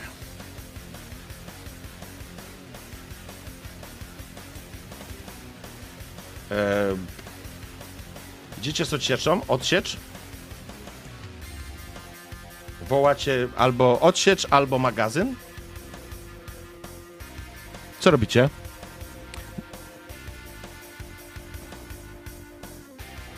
Sytuacja jest następująca. Wy rozwaliliście tą swoją grupę, obracacie się do tyłu, widzicie w dwóch jakby rogach tego placyku, skwerku jest walczący teraz z trzema zerglingami Chris, który spanikował, już teraz wali po prostu, wystrzelił całą amunicję, nie zrobił absolutnie nic tym przeciwnikom. Eli próbowała go z drugiego końca placyku wspomóc i zaczęła strzelać, ale, ale nie trafiła, nie udało jej się w nikogo trafić. I wy teraz jesteście tak naprawdę obok magazynu, no ale jakby możecie się przemieścić i otworzyć ogień do atakujących, atakujących zerglingów e, tego e, małolata. To możecie zrobić. I teraz co? Możemy zrobić tak. E, atak all in. All in to znaczy, że z przymierzeniem. Atak def, czyli wiecie, zostawiacie sobie akcję na to, żeby ewentualnie się bronić, chociaż nie widzicie żadnego innego przeciwnika na tym etapie tutaj. Co jeszcze? Możecie ruszyć magazyn. E, możecie po, po prostu pójść do magazynu. No jakby nie zakładam, że nic nie robić, to jakby odpada, więc jedziemy z koksem.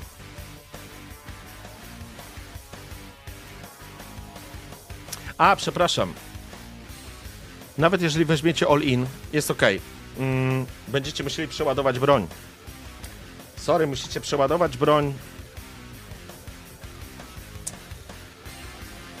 Tak, tak, tak. Musicie przeładować swojego impalera. Więc chyba was w błąd wprowadziłem, bo chyba w ogóle nie będziecie w stanie zaatakować w tej rundzie, ale zaraz zobaczymy.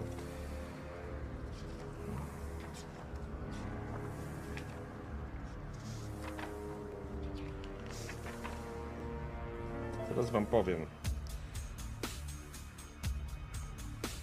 Pierwsze przeładowanie, broń palna. Kochani, to jest akcja wolna, więc w ogóle nie będziecie mogli zaatakować.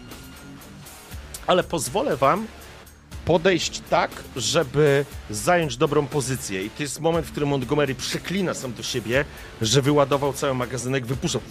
Z tego impalera wypada, taki magazynek o ziemię upada idziecie w tamtą stronę, dobijacie po prostu, wiecie, magazynek wkładacie, przeładowujecie, od razu jest 100%, wszystkie są pociski, jesteście gotowi do strzału, ale pozwolę wam zająć po prostu dobrą pozycję, która pozwoli wam ostrzelać przeciwnika bez ujemnego modyfikatora. To znaczy, że zajmiecie dobrą pozycję, ale w tej rundzie nie strzelicie.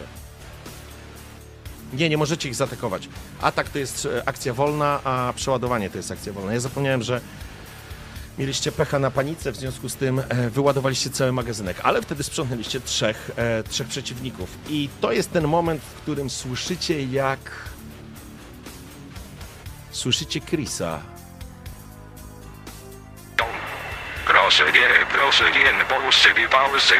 nie. I słyszycie zerglingi. Dobrze. I to jest moment, w którym zerglingi próbują raz jeszcze dobrać się do chłopaka.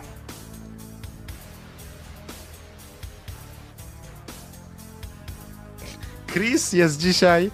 Chris jest dzisiaj wybrańcem bogów. Ewidentnie. Słyszycie po prostu, jak te zerglingi. On, on się może w panice gdzieś wycofał, może gdzieś się o coś potknął.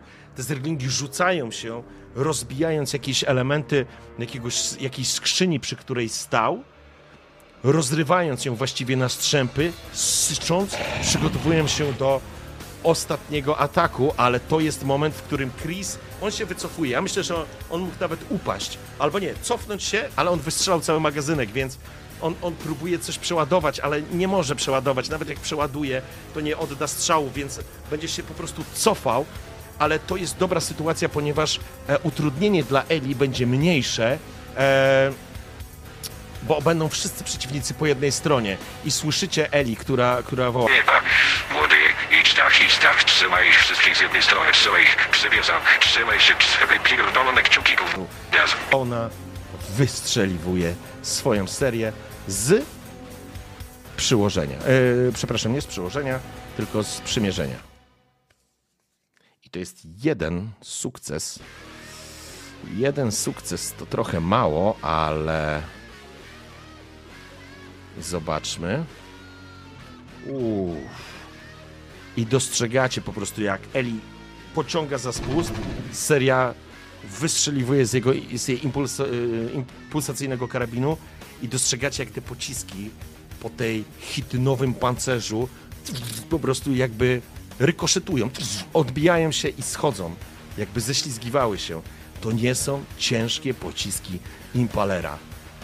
I teraz zaczyna wam dochodzić do głowy, z czym macie do czynienia, co to za organizm, który jest przygotowany i stworzony do mordowania.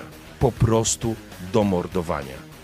I to jest moment, w którym wy już zajmujecie dobrą pozycję. Może nawet, może to jest taka sytuacja, że wiecie, jest ogień z prawej strony, tam za was, a wy wchodzicie na tym pancerzu na taki, na jakiś tam blaszany pojemnik. Jeden krok, ten pojemnik lekko się ugina, drugi krok stajecie na jakimś takim, jakimś takim daszku niewielkiej, na budynku, stajecie z góry i macie świetną pozycję do po prostu oddania strzału. Idziecie jak one Widzicie, jak te trzy zerglingi jakby w ogóle już bawiły się ofiarą. One po prostu zbliżają się do przerażonego Chrisa, który ma na tym jasnym pancerzu widać taką krew broczącą z jego, z jego uda. Widzicie, jak z przerażeniem przyładowuje, ale nie jest w stanie strzelić. On się przygotowuje właściwie do obrony. Wręcz jest po chłopie, ale jest tutaj również Monty, który sam do siebie mówi. już jestem młody. i zaczynacie strzelać. I to jest e, ten moment, w którym poproszę Was o e, odpowiedź all in czy def. Def to zawsze zostawiacie sobie tą, e, wiecie, tą akcję na to, żeby, żeby się bronić.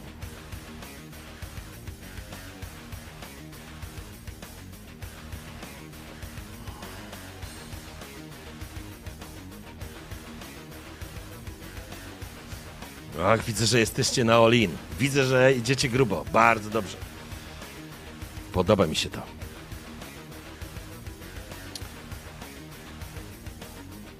Mm, czyli macie tak, jeszcze jeden magazynek.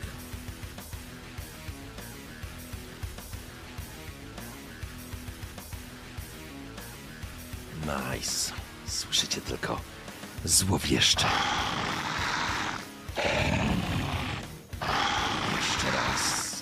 Jeszcze raz. Kapelu, kapelu, kapelu, proszę, że kapelu, położy, położy, co jedeć kapelu, kapelu. Dobrze. I impaler w waszych rękach przyskakuje do brody, to znaczy do brody, właściwie do tego pancerza. osiada w takim niewielkim wgłębieniu, ewidentnie utrzymując stabilizacyjną opcję. C14 rozgrzewa się do strzału.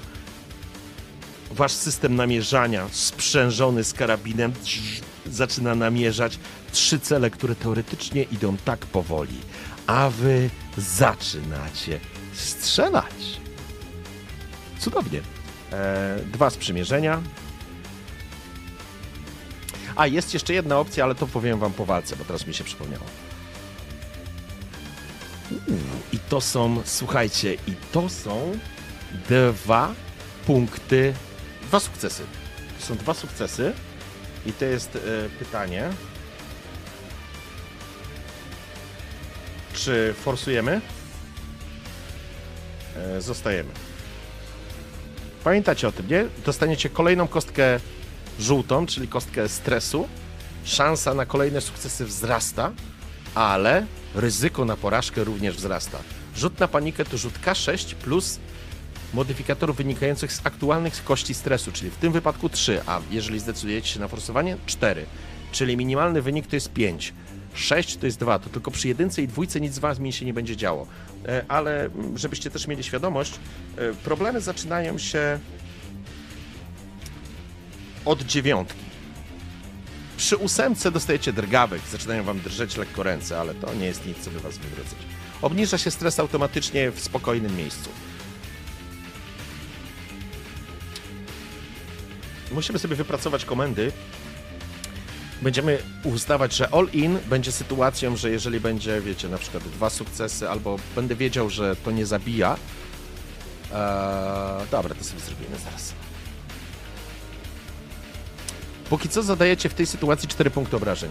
Macie zresztą opisane. Base damage jest 3 i to jest jeden sukces, a dodatkowy sukces e, zamieniamy jest na jeden dodatkowy, o, jedne dodatkowe obrażenia. Czyli forsujemy cudownie i już zaczynamy w takim razie zabawę. E, czwarty poziom stresu. C14 Impaler zaczyna tańczyć i powtarzamy. Aha, czyli poczekajcie, poczekajcie, poczekajcie. Nie, czyli rzucam na zero tak naprawdę, bo wtedy mieliście sprzymierzenia. Czyli mieliście plus 2, czyli na 0. Okej, dobra. Nie, coś, coś nie tak rzuciłem. Coś nie tak rzuciłem.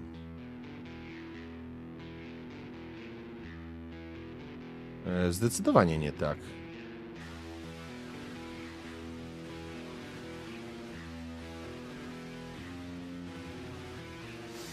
Ale tak, dorzucimy kości. Dorzucimy kości, bo ładnie wyszedł wam stres i nie chciałbym wam tego zabierać. Czyli wy mieliście tak naprawdę premię 3, zręczność i to jest 7, to jest 10, mieliście 12 kości. 12 plus 3. To powinniście rzucić 10 kośćmi. Tak, 10 kośćmi, a tu rzuciliśmy nie wiem czemu czterema, więc rzućmy jeszcze 6 kośćmi. Mm. To będzie 6. No, poczekajcie chwilę. No i pięknie. I to jest łącznie 2, 4, 6, 6 sukcesów, które macie. Czyli zadajecie, mm, zadajecie obrażenia. Przyjmijmy, że nawet te zerglingi nie będą, albo nie będą, bo to jest jednak dzikie zwierzę przygotowane do mordowania, więc rzucę sobie na nich sprawność. O kurwa. Ale pięknie. Tu macie 2, 6, a oni mają 5. I to jest i to jest kolejny moment, który dochodzi do Montgomery'ego, że nie walczy z prostymi, pustymi zwierzętami, tylko z istotami, które w jakiś sposób przewyższają być może nawet gatunek ludzki. Zaczynacie strzelać i to jest w sumie, kochani, ich unik redukuje waszych 5 sukcesów, więc zostaje wam jeden sukces i wy, wyla, wy, wy wywalacie. One po prostu rozprysły się. Rozprysły się przed wami, ale jeden z nich mimo wszystko nie zdążył i ta seria go trafia. I to są trzy punkty obrażeń i zobaczmy, jak oni sobie poradzą z tymi obrażeniami. To jest jeden sukces, czyli dwa punkty obrażeń ostatecznie dostają, ale plus jest taki. Dobijacie, dobijacie tego rannego i udaje wam się trafić jeszcze jednego. I widzicie, jak ta wasza seria po prostu ciska tym zerglingiem po prostu w, e, pod ścianę alejki. Widzicie, jak te jego odnóża jeszcze skaczą, on rozdziawia pysk e, w poś- przy przedśmiertnym tak naprawdę wrzasku. Ten drugi dostał, ale tylko został e, jakby ranny, zraniony, ale jakby stoją. Stoją dwaj przeciwnicy e, przeciwko, e, obok, obok naszego towarzysza e, Chrisa, który, który po prostu już w tym momencie w panice będzie, będzie strzelał. Będzie strzelał do nich. No i trzymajcie kciuki za Chrisa, bo Chris wali, ale on gra jest bezpośrednio, więc wali na minus dwa. No i to jest znowu... I to jest znowu seria, która po prostu, która po prostu rozpryskuje się obok nich i nic, nic, im się, nic im się nie dzieje. Te pociski po prostu rozstrzeliwują się. Być może, że nawet rykoszety odbijają się od waszego pancerza. E, słyszycie Eli, która przymierza i znowu będzie również strzelać, próbując ochronić swojego towarzysza. To jest plus 2 minus 1, to będzie 1. Uj, to są dwa pociski, cudownie. Pancerz, on tego nie jest w stanie uniknąć. Z tyłu zróbmy 0. Dobrze, to są 2, 3 punkty obrażeń. I to jest piękna sytuacja, bo w tym momencie dostrzegacie, jak pociski z Eli rozwalają tego, którego wyście trafili, a to są w sumie trzy punkty obrażeń. Seria po prostu wylatuje i, słyszycie tylko wrzask jednego linga, który rozrywany, ale już nie tak spektakularnie jak przez Impalera, ale tym razem pociski impulsacyjnego karabinu rozrywają jego hitynowy pancerz i targają nim, rzucają nim o ziemię i drugi, który próbował wzbić się do skoku, po prostu dostaje serię w podbrzusze, rozrywając jego tutaj wewnętrzne jakieś organy i on po prostu pada również z wrzaskiem agonii.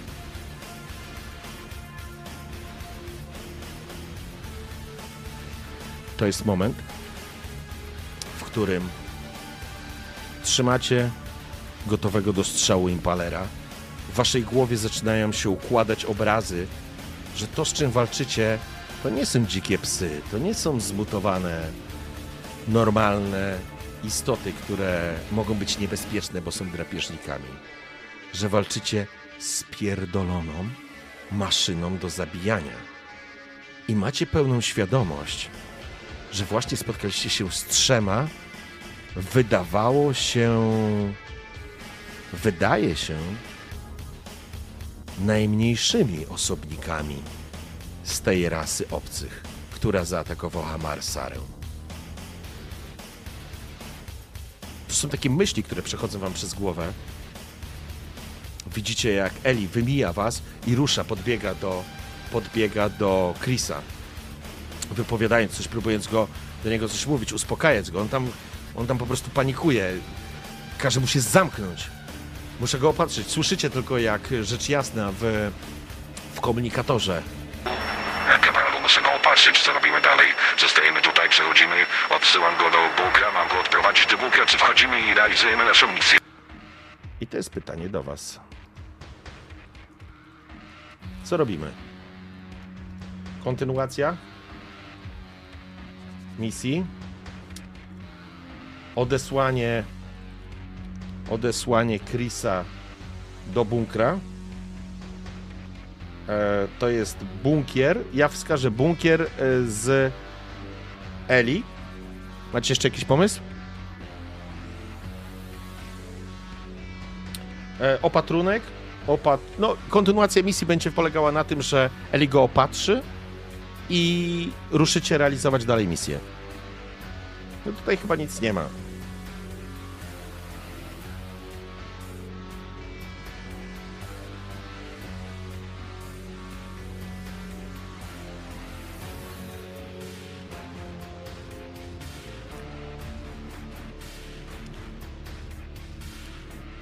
Tymosula trzyma się całkiem dzielnie jak na młodego mężczyznę, który spanikował, kiedy bestia wielkości osła chciała mu odgryźć nogę. Eli natychmiast pochyla się, wyciąga taki zestaw y, do bandażowania, odpina, wyciąga dermospray, wyciąga szy, jakieś takie szoty, na zasadzie w takich strzykawkach pneumatycznych, wali odkażenie, wali zatamowanie krwawienia, po czym wyciąga kolejny, coś jak zszywacz, zaczyna mu spinać. On przez chwilę jeszcze zaciskał zęby z bólu, ale kiedy prochy zaczęły działać, Eli widać, że to robi bardzo sprawnie. Chwilę to trwa, kiedy wy zastanawiacie się nad decyzją, kiedy Jak ona mówi, będzie żył kapralu. Jest gotowy poharatany. Jak do takiego łudzika. Będzie miał czym się pochwalić przed dziewczynami. Chyba, że kutasa mu odwiezła. Odwiezło ci kutasa. Słyszycie? Sperma zwiednęła ja ale zrezygnuje. Co robicie? Kontynuacja misji. Cudownie. To jest moment, w którym obracacie się, zeskakujecie tak ciężko z tego, z tego, z tego tej, tej blaszanej jakiejś konstrukcji. Tu dobrze. Wracamy do magazynu. Ubezpieczaj mnie, wchodzę pierwszy. To jest moment, kiedy obracacie się i tu, tu, tu, idziecie w kierunku magazynu. I tutaj zrobimy przerwę, bo potrzebuję. Ach, jestem sam, więc 4 minuty przerwy. Witam po krótkiej przerwie. Cieszę się, że się podoba. Wiecie co, bo to jest naprawdę niesamowity projekt. Granie z wami dostarcza mi tyle frajdy, jakbym prowadził normalną sesję. Oczywiście przedłużane są elementy przez te ankiety, ale nie ma to znaczenia.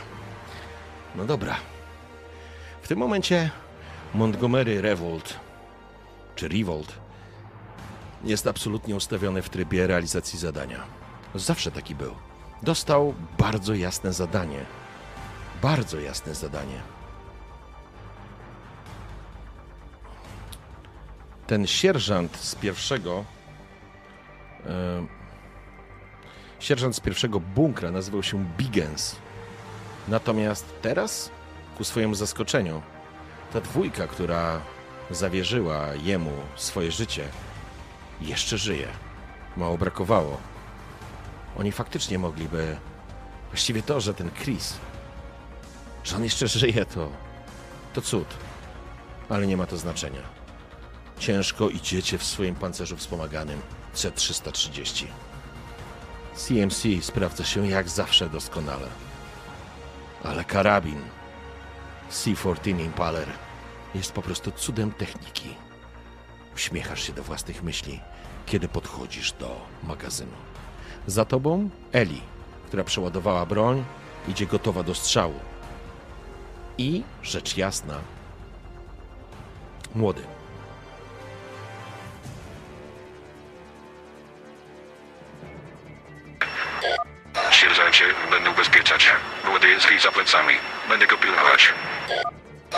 Zaraz za panem. Przepraszam, nie powiedziała sierżancie, kapralu powiedział. Wchodzicie, podchodzicie tak naprawdę do, do tej bramy. Drzwi, które są z prawej strony, są drzwiami, przez które się nie zmieścicie. Podchodzicie do bramy. A właściwie dam wam, to wy jesteście dowódcami. Możecie wejść do magazynu, wpuścić tam ludzi, wysłać ludzi, którzy wejdą do środka i otworzą bramę, albo spróbować otworzyć bramę siłowo. To znaczy, po prostu jesteście w pancerzu wspomaganym i będziecie chcieli po prostu nie to, że ją wyrwać, ale po prostu podnieść do góry. Wsunąć ją do góry, tak żeby wejść. E, czyli co? To będzie brama, nie? Brama, brama, siła. A co jeszcze możecie zrobić? No możecie. Teoretycznie moglibyście z tego impalera w... wystrzelać, ale to bez sensu. Myślę, że to jest e, taka opcja.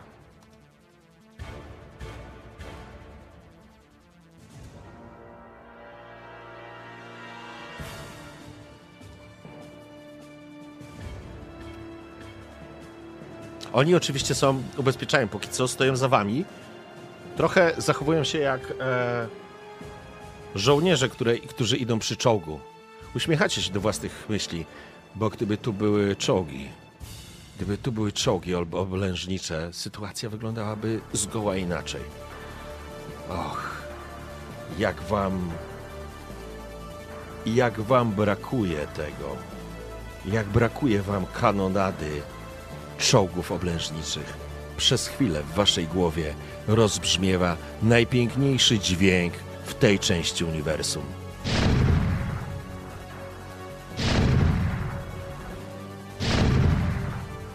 Niestety, to tylko wspomnienia. W porządku.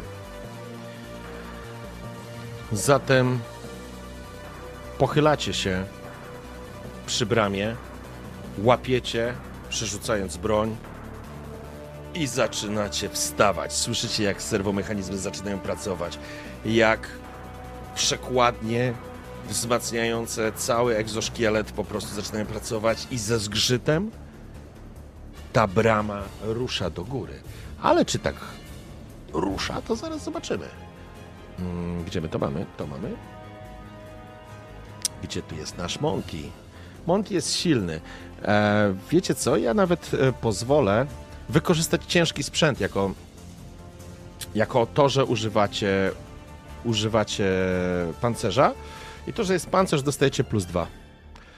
Jedziemy. Ło! Idzie jak burza.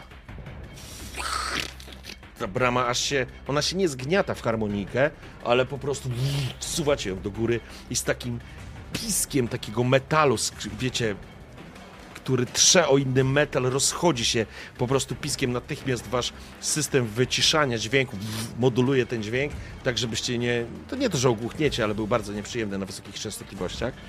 Wasi ludzie zaz- zazgrzytali, jakby na zasadzie. Ale stoicie przy wejściu i przed wami rozpościera się magazyn, który ma takie pulsacyjne, czerwone, alarmowe światło, jak właściwie każdy, każdy budynek w tej kolonii w tym momencie. Są poustawiane jakieś magazyny, e, to znaczy, wiecie, skrzynie, e, beczki, e, regały, które zapakowane są różnymi rzeczami. Widać również, że na środku była jakaś ciężarówka, to znaczy był jakiś pojazd, który był tutaj załadowany, ale już go nie ma. Natomiast dostrzegacie, SCV, które jest wyłączone i oparte, czyli ten po prostu mechanizm, do którego można wsiąść i załadować jakieś rzeczy. Dodatkowo widzicie przygotowane, wyglądałoby na to, no właściwie, rozglądacie się po pomieszczeniu.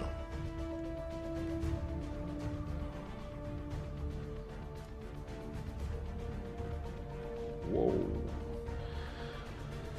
Trzy sukcesy i dwa dwie paniki, stres, rzućmy sobie na stres. I to jest 8.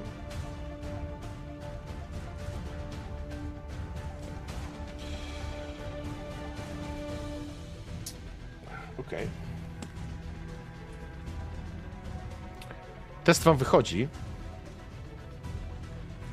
ale czujecie, jak zaczynają wam drżeć ręce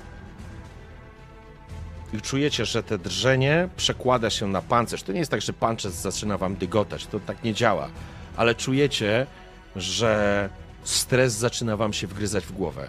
Zaczynacie słyszeć w głowie. Monty, wyciągnij ich. Wyciągnij ich natychmiast. Tak jest, sierżancie. Cicha, spokojna noc. Na jednej z planet. Rebelianci, którzy śmieli sprzeciwić się Konfederacji. Tak. Biedni głupcy. Nigdy nie powinni sobie na to pozwolić. Bo dlaczego mieliby próbować zrzucić jarzmo Konfederacji?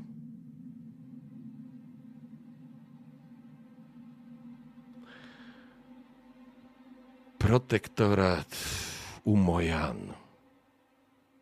Jakiś czas po tym, kiedy Trasonis i Konfederacja zdecydowała się na wystrzelenie tysiąca głowic apokalips w kierunku planety Korhal.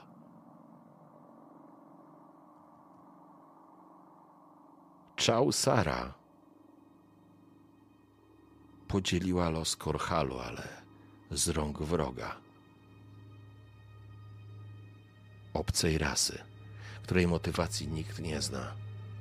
A tam, a tam, na Trasonis, konfederaci podjęli decyzję, że trzeba zakończyć współpracę Arcturusa Męska i, protek- i protektoriatu Umojan. Uznano, że rozwiążą problem raz na zawsze. Podobno, kiedy pociski wylatywały z silosów, niebo na Trasonis zrobiło się niemal czarne. A w atmosferze smugi z silników zostawiały za sobą krwawy ślad, jakby setki albo tysiące małych komet.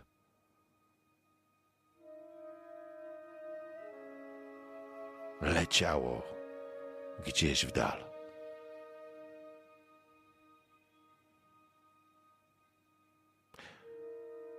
Korhal został zrównany z ziemią. Pociski Apokalips to najpotężniejsza broń Dominium Terran. Nie potrafisz do końca wyobrazić sobie potęgi jednego pocisku Apokalips.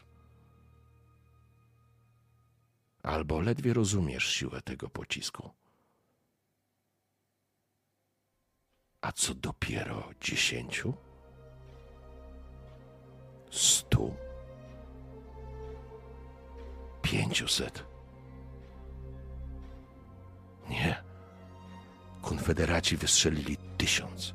Tysiąc pierdolonych pocisków, które zamieniły świat w pustynię.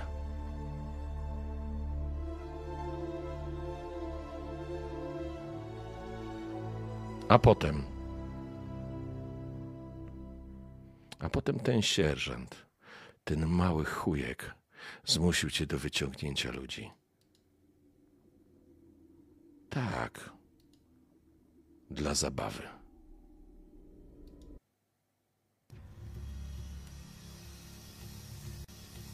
To była kucha nocy.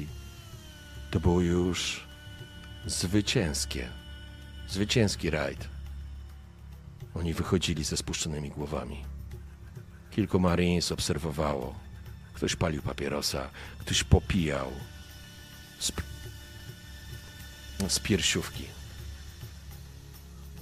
Szybciej, Monty, szybciej, nie mamy całej nocy. Zabawmy się. Ręce zaczynają ci drżeć, bo wtedy ci nie drżały, ale teraz ci drżą. Kiedy idą i Masz wrażenie, że zawodzą jakąś pieśń religijną, jakby się do kogoś modlili. Przecież to zakazane. Nie ma już religii. Nikt w nic nie wierzy. Jest kult człowieka. Po wielkiej unifikacji, jeszcze na ziemi, zniesiono religię. Stare religie przestały działać. Ale człowiek, człowiek zawsze musi w coś wierzyć i słychać, jak oni zaczynają modlić się. Widzicie? Modlą się. Głupcy! Uderza kogoś pancerną rękawicą. Ten ktoś pada w ziemię. Gdzie jest wasz Bóg, Bożek? Cokolwiek się modlicie. Ustaw ich Monty i byle równo. Zabawimy się. Sierżant podszedł do stojącego Goliata. A ci ludzie, spoglądając się w tobie prosto w oczy, zawodzili swoją cichą pieśń, jakby pogodzili się z losem. Kurwa, dlaczego? Dlaczego stoicie jak pierdolone świnie na rzeź? Dlaczego nie walczycie? To było dla ciebie niepojęte. Dlaczego ci ludzie nie zerwą się w akcie ostatniego skoku desperacji, cokolwiek? Dla ciebie jest to niepojęte, Montgomery. Dlaczego oni stoją i czekają na śmierć? Dlaczego oni są złamani? Dlaczego pogodzili się z tym, co jest nie do pogodzenia? Kobiety, mężczyźni i dzieci. No, szarpańcy, farmerzy. Słyszysz tylko elektroniczny głos. System operational. Mechanizm Goliata, który się prostuje. A oni cały czas się patrzą prosto w ciebie i śpiewają pod nosem. Dlaczego? Dlaczego nie chcesz walczyć? Dlaczego nie próbujesz rozerwać mi gardła? Dlaczego nie próbujesz zrobić czegokolwiek? Dlaczego kurwa pogodziłeś się z losem? Wytłumacz mi! Ale Monty zawsze słuchał rozkazów. Zrobił krok do tyłu, kiedy słyszał, jak sprzęgają się systemy celownicze z działkami zamontowanymi na ramionach Goliata. Ciężki kaliber, szczęk przeładowywanych komór, pociski przeznaczone do rozrywania lekkich pancerzy i obiektów latających. Wymierzone w kilka, w kilkanaście, może ze dwadzieścia parę osób, które nawet nie drgną, które pogodziły się z czymś, do czego się, z czym pogodzić się nie powinno. Przerażające, Monty, jest to, że oni patrzą ci się w oczy i oni czują spokój. Oni są pogodzeni coś, czego ty nigdy, przenigdy nie poczujesz. A potem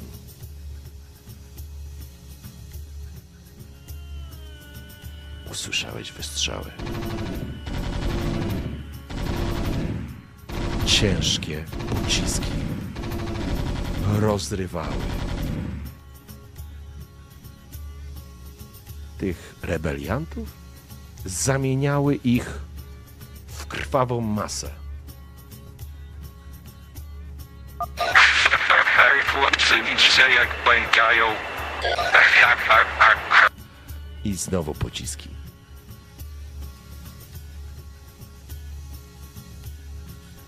Ciężko oddychasz, przenosząc się z powrotem do magazynu w Backwater na planecie Marsar.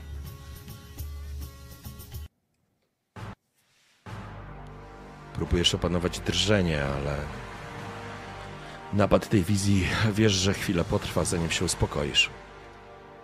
Rozglądasz się po pomieszczeniu. Coś się musiało tu dziać. Coś się musiało tu wydarzyć. Rozglądasz się, przerzuc, przez, skanujesz przestrzeń na kilku różnych pasmach. Plama krwi, zwłoki, przy SCV, przygotowane kartony, skrzynie, bardziej skrzynie, nie kartony, amunicja z pewnością. Również paliwo dla helbatów. Dla Marines, którzy zamknięci w CMC 660 ciężkich pancerzach ognioodpornych mają zamocowane miotacze płomieni na przedramionach. Do tego amunicja i inne rzeczy. Ale masz trzy sukcesy. Macie trzy sukcesy. Więc nie pozwolę wam dać się zaskoczyć.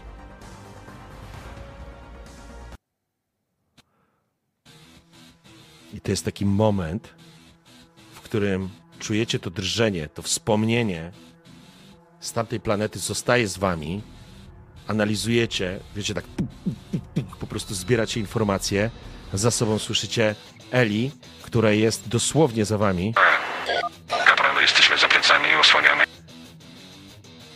i nagle dostrzegacie, jak z sufitu spada taka flegma.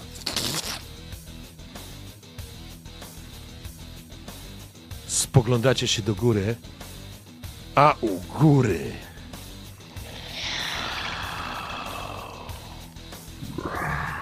dostrzegacie, jak coś spada z sufitu.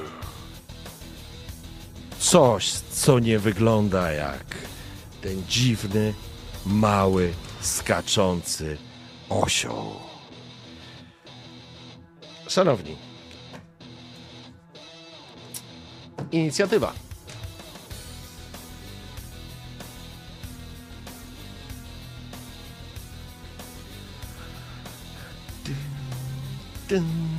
Boże, jak ja kocham uniwersum StarCrafta. Mm. Piccabello, piccabello. Dobrze. Mm.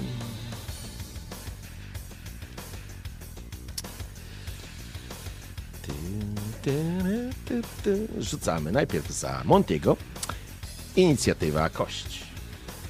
10 za naszych dzielnych milicjantów. 9 za naszego nowego obcego. 9. I teraz sprawdźmy sobie zręczność, zręczność. Wasi podobieczni będą jako drudzy, a wy będziecie działać jako pierwsi, ale ładuję wam kość stresu, bo to, co przed wami się prostuje, wygląda jak coś górującego nawet nad wami. Wy jesteście w pancerzu, macie z jakieś 2,20, a to coś jest na wysokości jakichś 2,60, jest wyżej. Ustawiona wąska głowa z żółtymi ślepiami, paszcza pełna zębów, które wyglądają jak ostrza. Pancerz chitynowy, który rozciąga się na całe jej ciało. Wygląda jakby była wielkim wężem wygiętym. Rozpościera pysk, rozpościera zęby i zaczyna się, macie wrażenie, jakby spinać w sobie. Nie ma rąk, za to ma dwa zdecydowanie. Wyglądacie ramiona, które wyglądają jak dwie kosy. Ostrza, które są organiczne, które z przekształconych części i jego dłoni zamieniły się w jakieś ostre, jak brzytwy ostrza, które stanowią, wyglądają trochę jak kosy. Już całkiem niedługo tą istotę teranie zaczną nazywać hydraliskiem. Dobrze? Dobrze? Słuchajcie, i teraz tak. Macie tak. Co się będzie działo? Pierwsza rzecz. Macie drgawki, więc macie minus dwa. Podczas tej akcji całej walki będziecie mieli minus dwa. Dopóki nie pozbędziecie się stresu. Możecie krzyknąć do.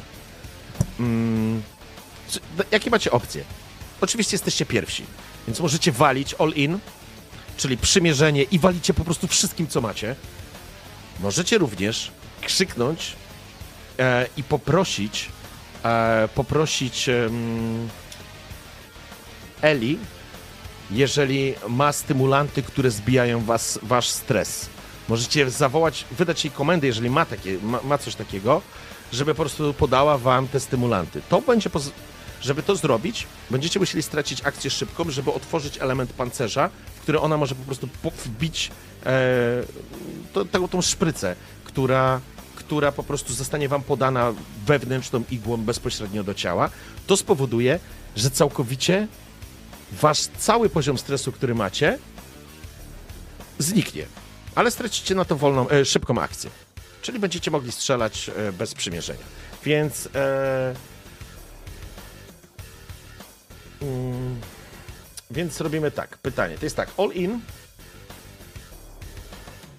Czyli. No właśnie, albo dobra. All in czyli walicie z przymierzeniem, nie, nie liczy się absolutnie nic, po prostu walicie z impalera w hydraliska wszystkim, co macie. To jest pierwsza rzecz. E, druga rzecz e, to jest. E, I jakby będę. Dla mnie all-in to będzie sytuacja, w której również wydajecie rozkaz podkomendnym, że mają otworzyć ogień i dołączyć do walki. Druga rzecz to jest e, walka plus szpryca. Plus Steam. To nie jest Steam Pack, to jest Steam. Nie macie Steam Packa. Więc. E, więc Steam, czyli szpryca do zbicia e, Steam na stres, to oznacza, że tylko młody będzie strzelał, a nie będzie tego robić e, Eli. Co jeszcze możemy zrobić? Możecie się wycofać i wpuścić swoich ludzi, ale, e, ale to chyba będzie. Możecie wydać taki rozkaz, rzecz jasna. Macie jeszcze jakiś pomysł?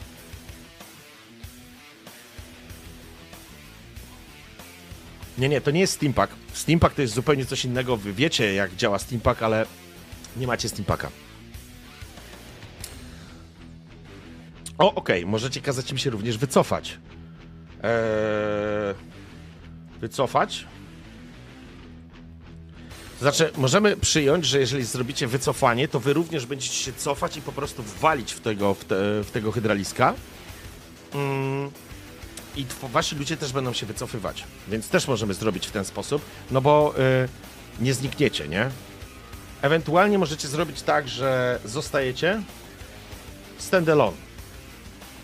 Standalone oznacza, że wydajecie komendę, że oni mają spierdalać stąd, a wy zostajecie tu sami. Rozpoczynamy.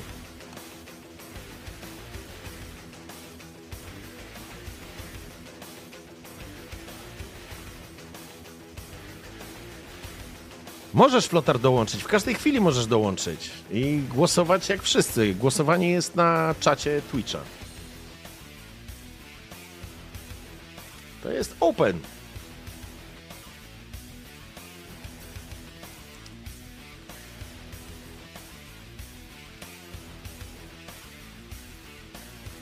Ach, ale czujecie klimat? Powiedzcie mi, czujecie klimat? Kurwa, bo ja czuję.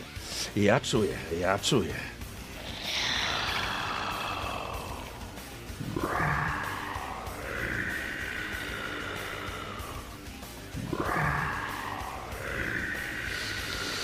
Mm, muzyka dla moich uszu.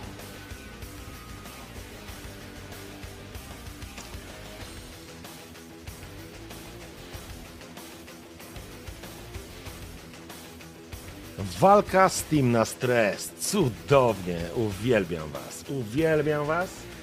Więc odpalamy sobie to. I to jest w ten sposób.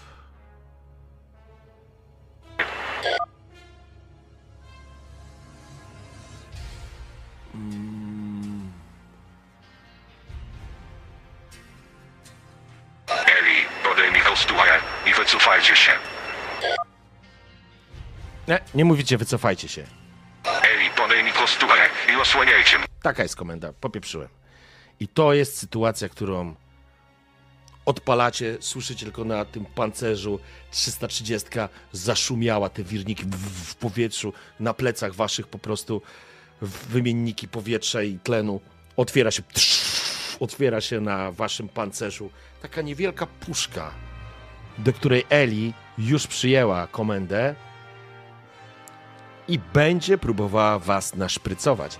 Ale pierwszy strzał, szanowni, walicie na czysto.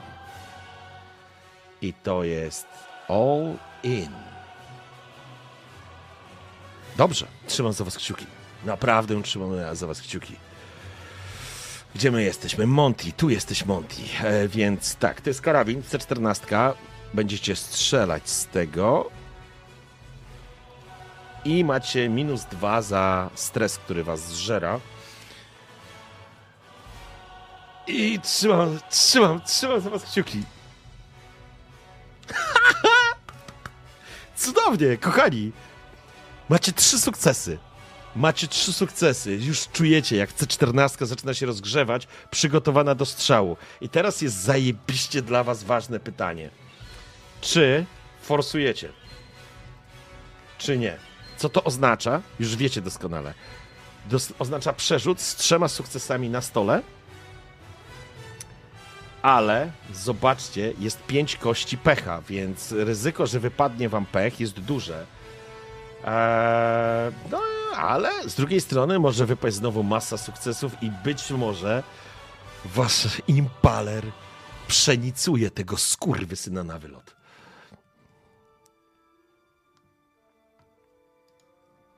Nie, nie musicie, nie musicie, absolutnie nie musicie. To jest e, podjęcie ryzyka. W tym momencie zadajecie mu 3, 4, 5 punktów obrażeń. Potem cały stres zejdzie, tak, bo to znaczy zejdzie na koniec tej rundy, bo Eli działa jako ostatnia. Wy wydaliście polecenie, jesteście wy, później będzie hydralisk, później będą milicjanci. Poczekajcie, bo tu jakaś taka słodko pierdząca muzyka się zrobiła, nie wiem dlaczego w ogóle. Jedziemy.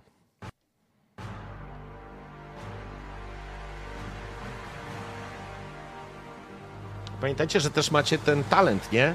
Że wchodzicie w show bojowy. To też jest dobra opcja. Nie, w porządku.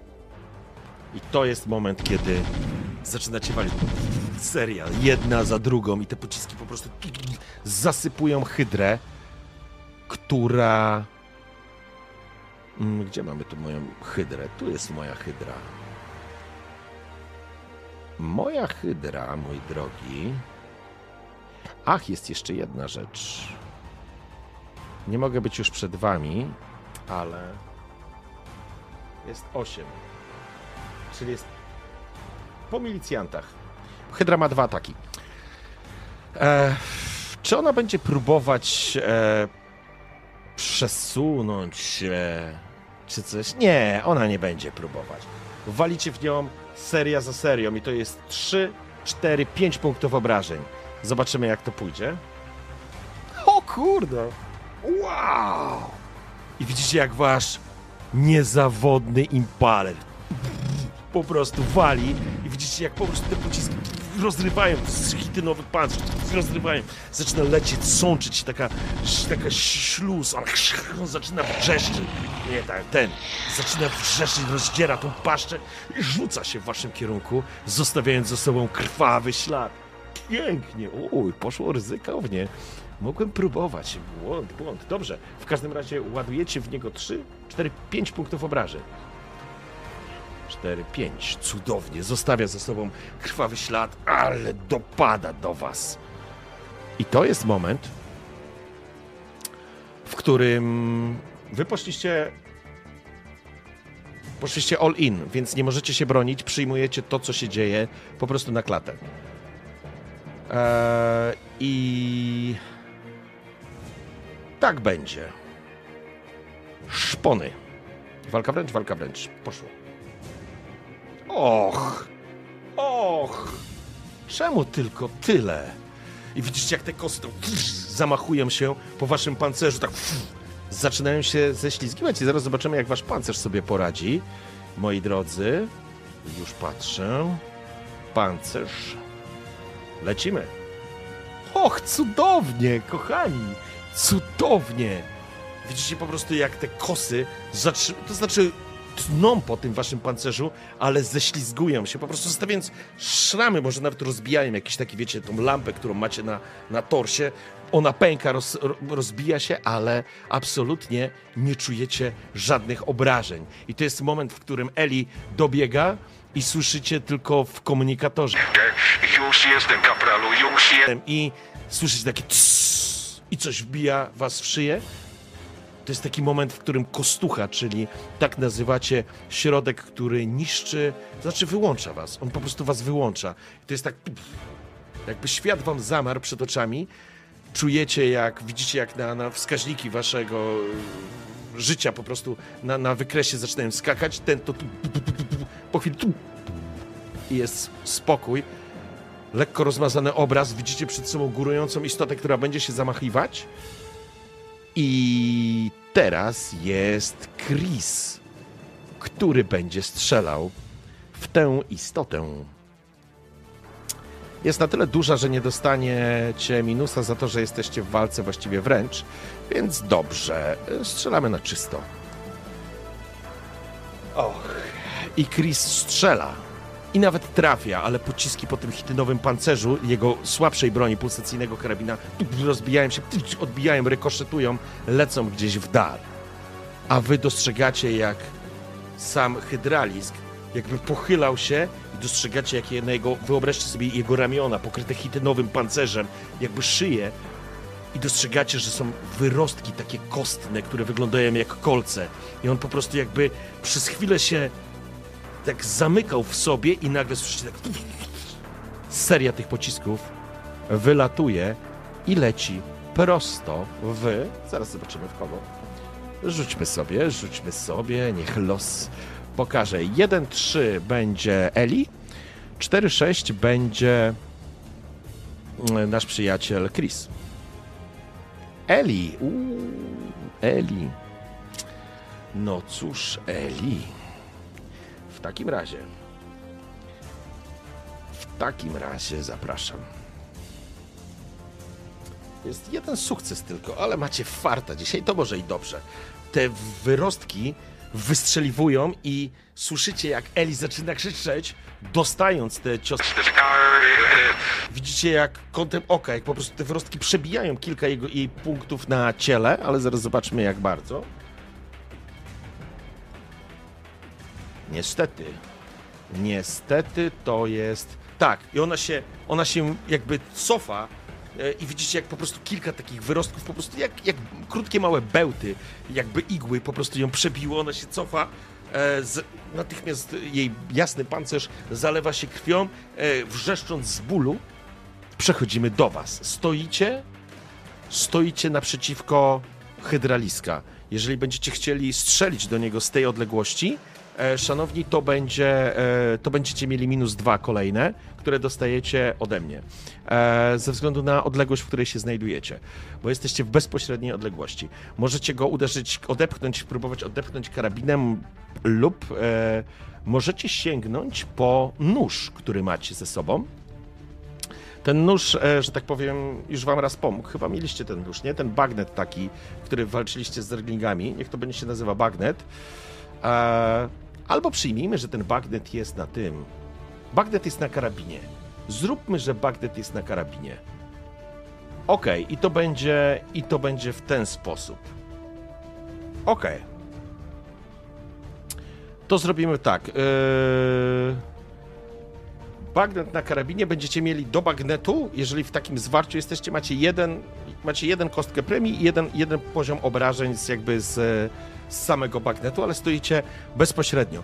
Więc e, pytanie, co będziecie chcieli zrobić? E, macie tak, bagnet, czyli to będzie walka wręcz lub strzelanie. I strzelanie jest na minus dwa, bo macie na zręczności, a walka wręcz jest na sile. E, co możecie jeszcze zrobić? Czy możecie go odepchnąć? No on jest wyższy, to jest kurwa kawał wielkiego skurwiela ale wy jesteście z kolei w pancerzu, więc może bylibyście w stanie go odepchnąć albo odskoczyć, właściwie odbić się od niego. To raczej w ten sposób widzę, że uderzacie w niego siłą i się po prostu odbijacie, żeby uzyskać e, odstęp. Ale czy to będzie. Ale nie, to by musiała być, słuchajcie, też akcja, więc nie byście nie mogli zacząć strzelać. Więc widzę tylko to, lub możecie zwiększyć dystans. To znaczy, możecie odejść, uciec od niego. Wtedy działa to w ten sposób że nie prowokuje to ataku pod warunkiem, że uda wam się test sprawności. Ale wtedy korzystacie ze wszystkich akcji, żeby się po prostu wydostać ze zwarcia i cofnąć się, e, uzyskać e, odległość i nie sprowokować ataku. Więc e, zrobimy wycofanie się. Chyba wsio. Jedziemy. Tylko jeżeli się wycofacie, no to zostawicie trochę na pastwę losu Eli i młodego ale z drugiej strony może będą mieli szczęście, a wy będziecie mogli wtedy pociągnąć w kolejnej rundzie serię. Na strzelanie macie minus dwa za odległość w tym momencie i minus dwa cały czas za drgawki. Będzie przez całą scenę, dopóki nie zbijecie stresu.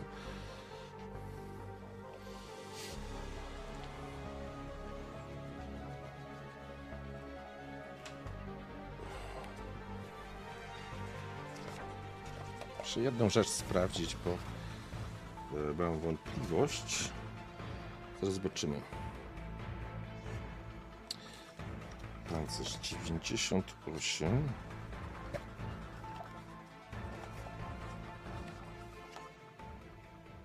Pancerz stronicy. A, to są obrażenia o jeden punkt. Pancerz ściąga obrażenia o jeden punkt, a nie anuluje. Dobra, ale wjeżdżacie na bagnet.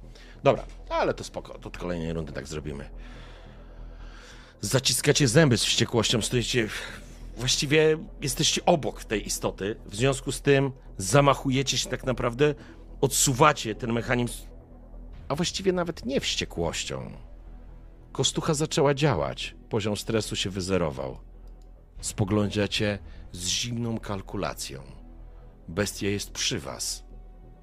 Dostajecie ode mnie dodatkowe, dodatkową kość na trafienie. Cofacie swojego impalera, przekręcacie z, z przodu, z, spod lufy wysuwa się bagnet. Po czym próbujecie z całej siły dźgnąć tą istotę, która rzecz jasna na pewno będzie próbować e, parować. Ale mm, najpierw e, wy. Trzymam za was kciuki. To będzie bagnet. To jest walka wręcz. Zapraszam. Atak. Modyfikator dostajecie plus jeden. No to jedziemy. Uuu. Leki, które dostaliście kostuchę, niweluje do zera poziom stresu. Zobaczcie, jaki macie wynik. I teraz nie macie żadnego stresu. Moje pytanie, czy chcecie forsować, żeby zwiększyć obrażenia? Forsować? Yy, nie. Przy okazji e, można forsować tylko jako atakujący, nie jako broniący się. To też jest istotne. Tak, nie, kostucha działa, Ivelios. No zobacz, przecież rzucacie tylko czystymi kośćmi. Jak pięknie wam poszło. A, a widzicie, elegancko. Nie, nie. Trzy punkty zostają na. Forsowanie polega na tym, jeżeli w tej sytuacji, czyli macie jakieś sukcesy, sukcesy zostają na stole i pulą kości pomniejszoną o liczbę sukcesów, które zostaje na stole, rzucacie jeszcze raz. Tylko, że dostaniecie dodatkową kość e, stresu, nie? Bo forsowanie powoduje kość stresu. E, ręce wam dalej drżą, ale drgawki e, na wszystkie testy związane ze zręcznością. A walka wręcz jest z siły, więc nie macie minusa. A właściwie można przyjąć, że po kostusze również i drgawki ustąpiły. Zgadzam się z tym. Grajus, jak najbardziej. Podoba mi się ta wizja. Wchodzę w to. Eee, forsujemy. Cudownie.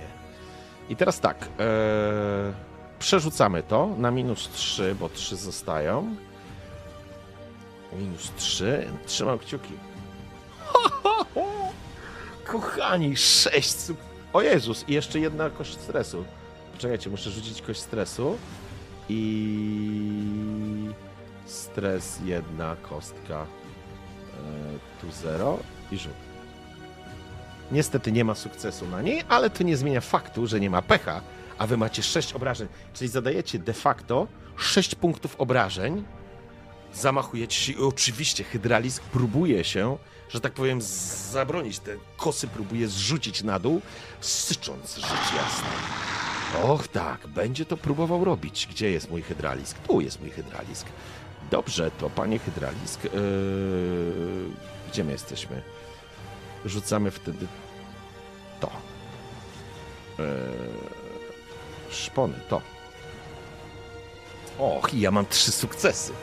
I to jest coś cudownego, bo wy czyli macie trzy sukcesy, czyli zadajecie trzy punkty obrażeń. I to jest z zimną precyzją. Po prostu spoglądacie się w te żółte, dziwne ślepia i wbijacie. Raz. On zaczyna, on zaczyna ję, może nie jęczeć, tylko wydawać z siebie te dziwne dźwięki. Tymi łapami zaczyna machać. Próbujecie kolejny raz. Te, te, te, te, te, te kosy spadają, że tak powiem, na tą broń, wybijają ją. Znowu próbujecie z takim psychopatycznym spokojem w tym momencie Monty nawet nie drgnęła mu powieka, tylko raz za razem zadaje obrażenia. Póki co, to są trzy punkty obrażeń. Zobaczmy, jak dobrze wam poszło. Trzymam za was kciuki. Mm. I Arbor tylko jeden, czyli to są dwa punkty obrażeń. I słyszycie, jak to, jak to wchodzi, jak się wbija, jak ten bagnet po prostu przebija się przez jego chitynowy pancerz. Czujecie, że wchodzi w głęboko, że wchodzi po prostu pomiędzy płytki pancerza i zadaje obrażenia. Widzicie, jak Hydralix się, macie wrażenie, że jakby się zachwiał, jakiś zbroczony cały tą, tym śluzem, ale jeszcze stoi. Ledwo, ale jeszcze. I teraz widzicie, jak on pod, tym, pod tymi waszymi ciosami, on się jakby znowu chowa w sobie i przygotowuje się do wystrzelenia swoich przebijających kolcy. Wy wchodziliście all in, nie? Teraz to, była, to było all in? Czy nie? Tak mi się wydaje, że to był all in. Mm. Zresztą strzeleckich nie jesteście w stanie unikać, więc to jakby nie ma żadnego znaczenia. Jedziemy. I to są dwa sukcesy. I to jest. Zresztą, ale i tak strzeleckich nie jesteście w stanie unikać. Więc to są dwa sukcesy, które, które, które trafia, czyli to jest trzy, to są cztery punkty obrażeń i słyszycie, jak te wyrostki, które pojawiają mu się znowu z pleców, one jakby z pleców, z ramion, wystrzeliwują, wystrzeliwują was kilka tych kolcy. Teraz zobaczymy, jak, sobie, jak się zachowa pancerz. E, to jest w sumie 3-4 punkty obrażeń. Ale teraz pancerz nie zadziałał, kochani. Uuu. Informuję was, że wasz, że te że ten pancerz zostaje przebity w kilku momentach. Tuf, tuf, tuf, przybi... Aaaa, zaczynacie wrzeszczeć, nawet w mikro... Ból, kiedy kolce hydraliska docierają do was. I chcę wam powiedzieć, że to jest, słuchajcie, to są trzy, cztery punkty obrażeń, więc został wam jeden punkt życia, zanim wejdziemy w obrażenia krytyczne. I to jest moment, w którym wy się zachwialiście.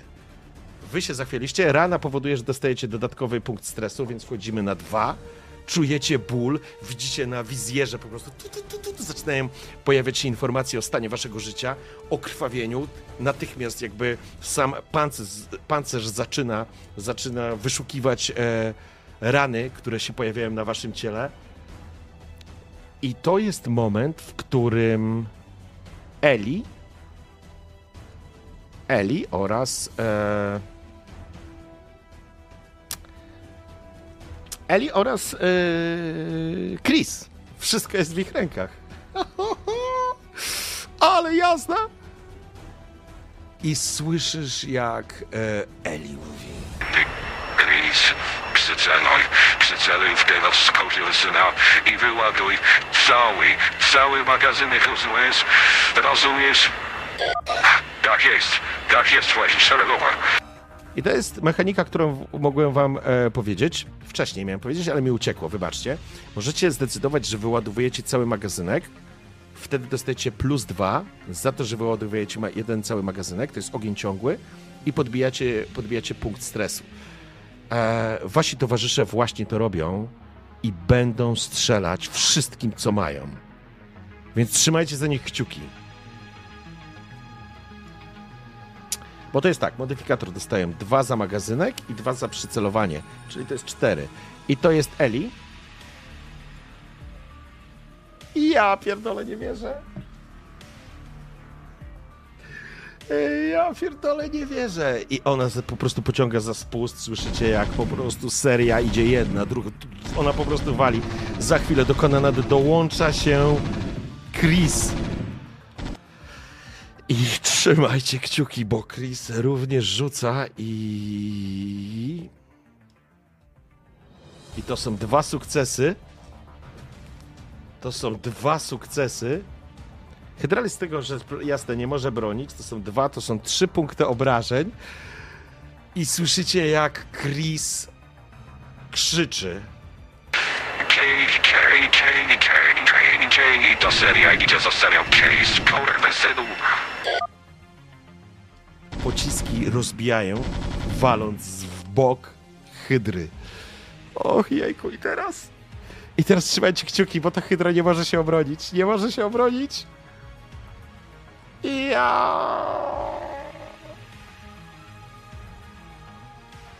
I to jest moment.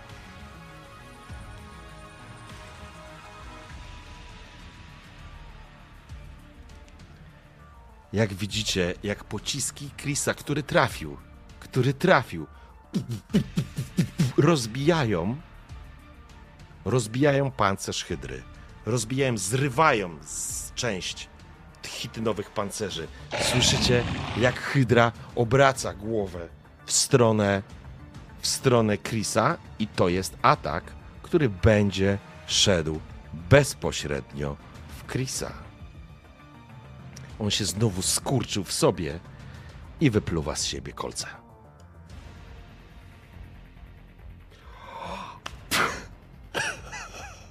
Ja nie wierzę! Ja nie wierzę! Słyszycie? Nie, myślę, że w tym momencie nawet e! Chris się cofa, próbując cokolwiek zrobić. Hydra pff, wy- wypluwa z siebie, wypluwa z siebie dziesiątki tych kolcy. Może Chris nawet padł za jakąś zblaszaną skrzynkę, która... Słyszycie zgrzyt tego pękającego metalu, kiedy po prostu te, te, te, te wyrostki, te, te igły, te kolce po prostu wbijają się w to. I gdybyście mogli widzieć, Chris stoi tak przed jego oczami, wybija się po prostu e, ten kolec, on jest blady i nerwowo zaczyna przeładowywać, przeładowywać e, magazynek. I to jest moment, w którym albo ty, Montgomery Revolt, albo Hydralisk, musisz go zabić. Musisz go zabić. Musisz go zabić. I to jest, panowie. Boże, jak pięknie to wychodzi. Jak pięknie te kości opowiadają tą historię. Słuchajcie, to jest all in. All in na, na strzelanie, czyli strzał, tak? To będzie strzał. All in na bagnet. Co to dla strzału będziecie mieli dalej minus dwa. Dla bagnetu nie będziecie mieli. Mm, dla bagnetu będziecie mieli plus jeden. To ja robię tak. Eee, albo strzał, def, bagnet, def. All in, poczekajcie, ale all in będziecie mieli minus dwa ze względu na bliskość. On, że, że jest po prostu niebezpiecznie, ale pozwolę wam nawet przymierzyć. All in to będzie na zero, tak naprawdę. Będzie na zero. Bagnet def, strzał def to znaczy, że zostawicie sobie szybką akcję na to, żeby się bronić, jeżeli on będzie chciał trafić was kosami. Bo jeżeli będzie was strzelał, to i tak nie obronicie się, więc zapraszam. Zapraszam. Wasza broń e, ma trzy obrażenia karabin, impaler przy wystrzale i jeden przy bagnecie. Och jejku.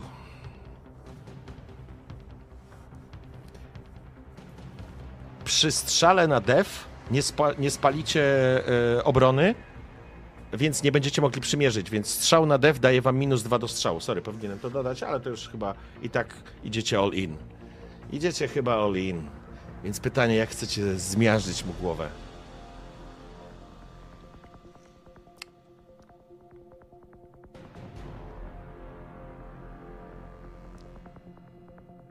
Ale jazda. Czujecie ból w wielu miejscach swojego ciała. Informacje na wizjerze po prostu tu, tu, tu skaczą. To nie jest tak, że umieracie, ale jeżeli trafi was jeszcze raz, dojdzie do krytycznych ran. All in strzał. Cudownie. To jest kolejny raz.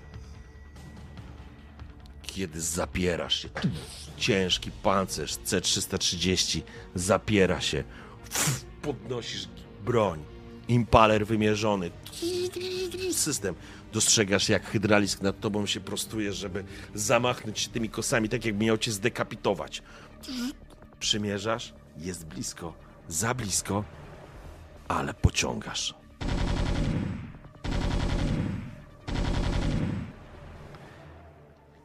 Kochani, trzymam za was kciuki. Naprawdę trzymam za was kciuki. Zobaczmy. Gdzie tu jest nasz Monty? Tu jest Monty. Karabin C14. Atak. Na zero. Poszło.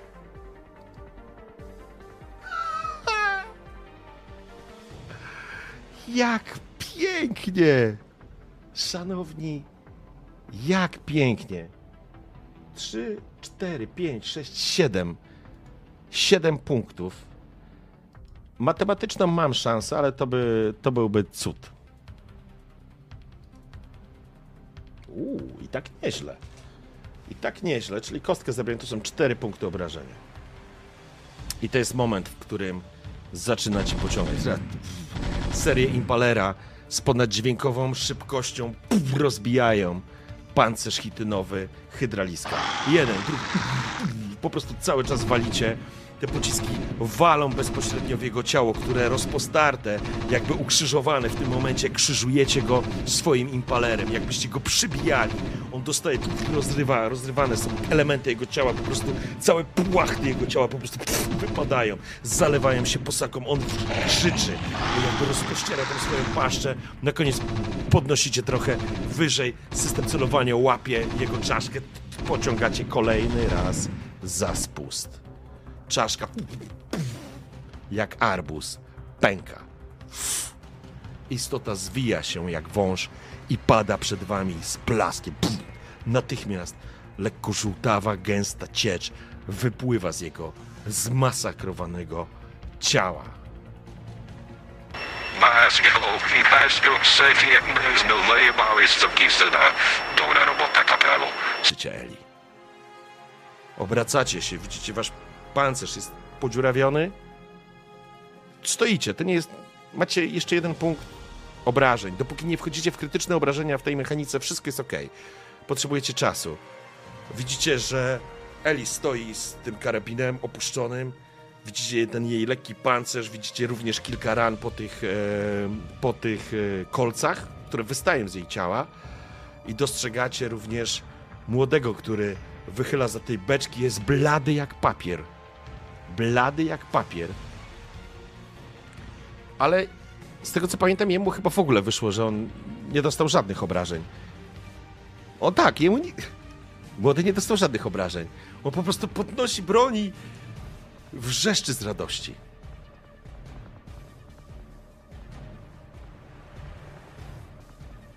Więc cudownie. Noga jest, wiesz, zabandażowana i zabezpieczona, więc jakby ma oczywiście tą ranę, ale to jest rana po zerglingach. Mm, Z hydrą nie dostał. Cudownie. Tak mi się wydaje, że on w walce nie dostał e, z hydraliskiem żadnych obrażeń. Już nie będziemy wchodzić w szczegóły, ale tak, tak mi się wydaje. Udało wam się.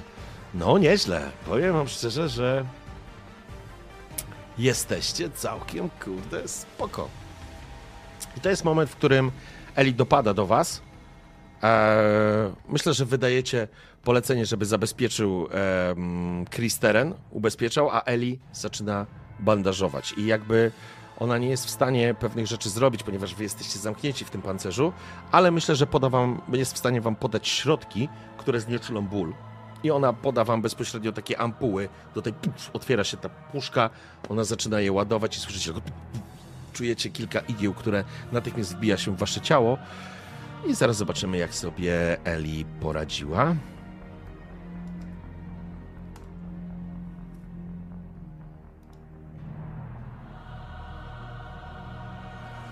O! Eli sobie by nie poradziła. W porządku. Nie odzyskujecie w tym momencie żadnych. Nie, nie uzyskujecie żadnych. y, Nie leczy wam rany, ale jakby znieczula was. Znieczula was tak, że możecie funkcjonować i zabezpiecza krwawienie, jakby mm, krew, krzep, krzepnięcie krwi, jakby nie będzie nic niebezpiecznego się z wami działo, przynajmniej na tym etapie.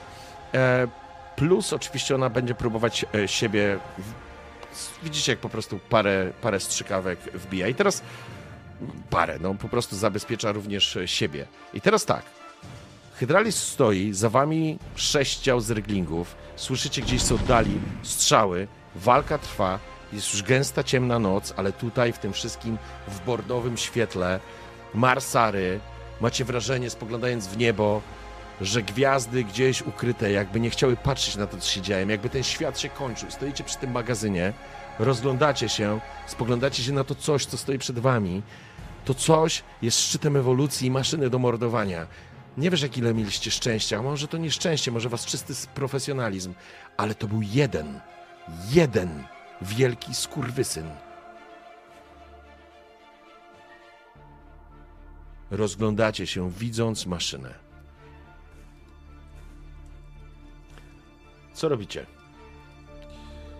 Ehm, zabieracie, zabieracie zapasy i ruszacie. I ruszacie. No, będziecie wiedzieć, o co chodzi. E, pozostawanie w tym miejscu teoretycznie mogłoby dać wam szansę na odpoczynek, zbicie stresu, może przywrócenie wam z jednego, dwóch punktów żywotności, ale będzie ryzykiem, że coś może was znaleźć. E, to jest odpoczynek.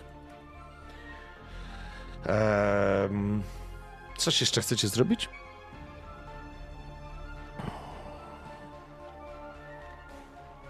Macie jakiś pomysł jeszcze?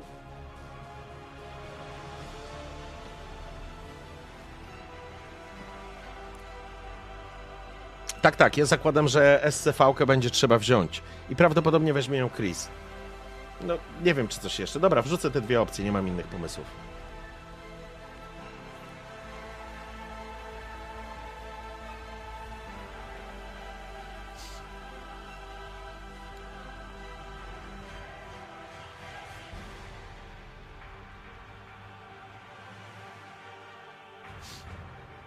Jakby macie pełną świadomość, że pozostawanie tu jest obciążone ryzykiem.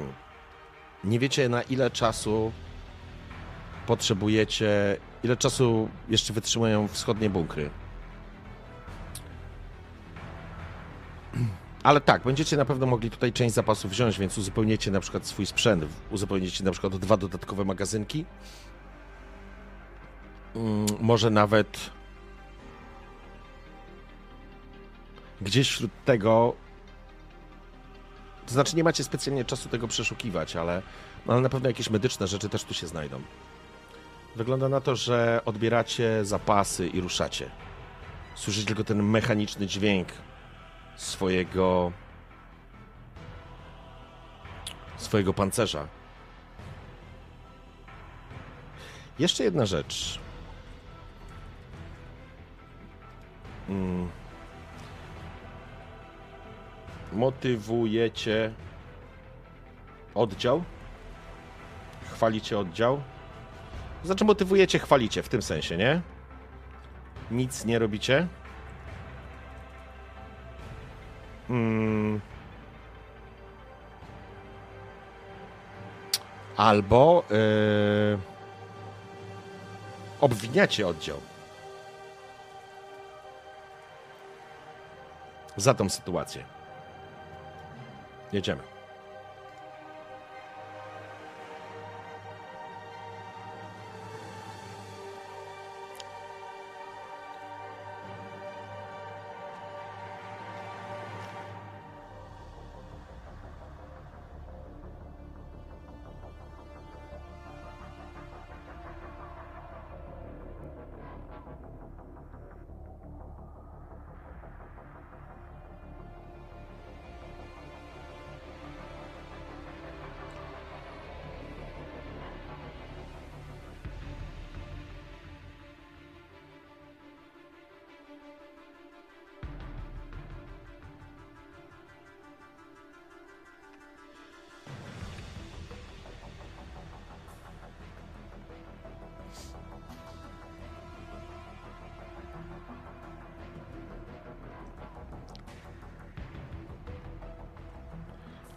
Motywujecie oddział.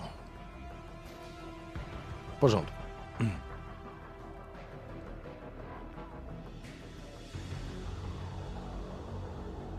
Cóż, Eli będę ubezpieczał. Ustabilizuj swoje rany. Gaze, potrafisz obsługiwać SCV? Tak jest, panie kapelu. Wsiadaj na SCV i przygotuj wszystkie materiały, które zostały tutaj zabrane. Tak jest. Jest. Opieracie się o ścianę. Właściwie nie musicie się opierać, jakby na tyle stabilny pancerz. Wy się opieracie w pancerzu, on przecież nie wywróci. Chcę wam powiedzieć, że dobrze się spisaliście. To z czym przyszło walczyć. To nie ludzie. To obcy. Uczymy się. Każda kolejna walka daje nam więcej wiedzy. To może zamienić się w przewagę. Jesteś pieprzonym szczęściarzem, Chris. Angeli. Dzięki. No i zobaczmy, czy wywrze to jakiś efekt. Monty. Dowodzenie. Dam wam nawet plus jeden, ponieważ walka była korzystna.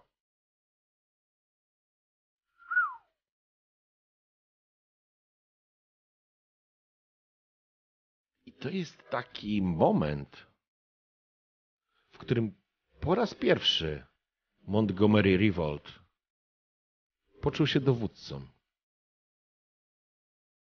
To było bardzo dziwne uczucie. Być może spowodowane jeszcze krążącą we krwi kostuchą. Ale zaskoczony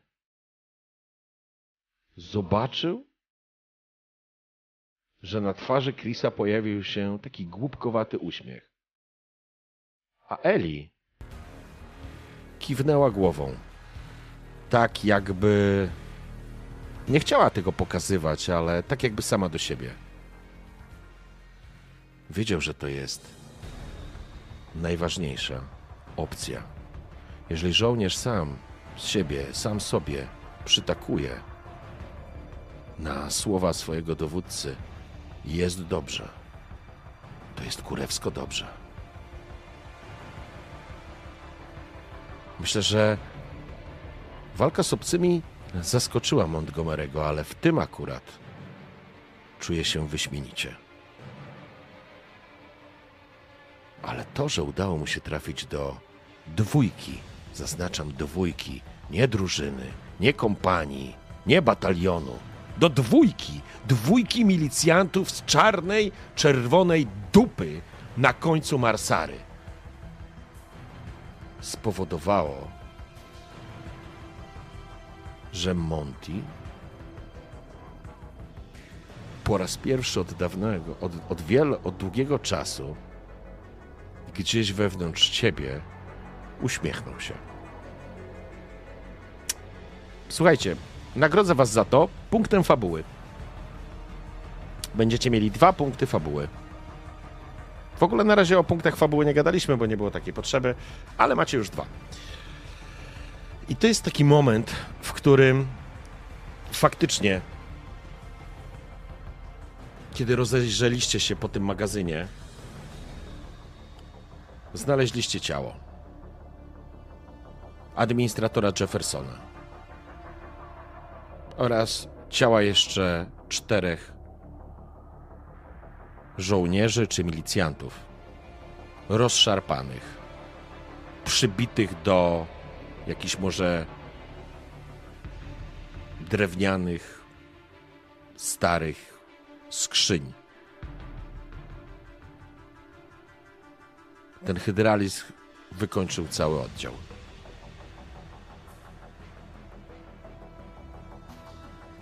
Nie ma tutaj już czego szukać.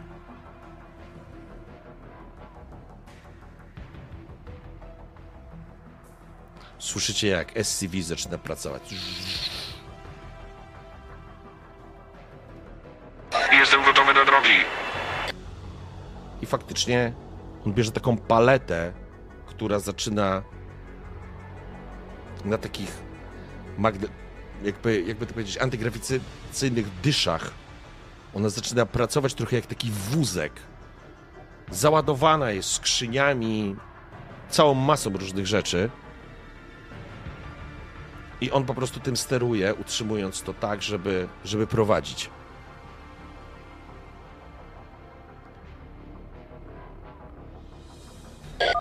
Kapralu, ruszamy do sierżanta Dunera na wschód. Obracacie się w stronę Eli.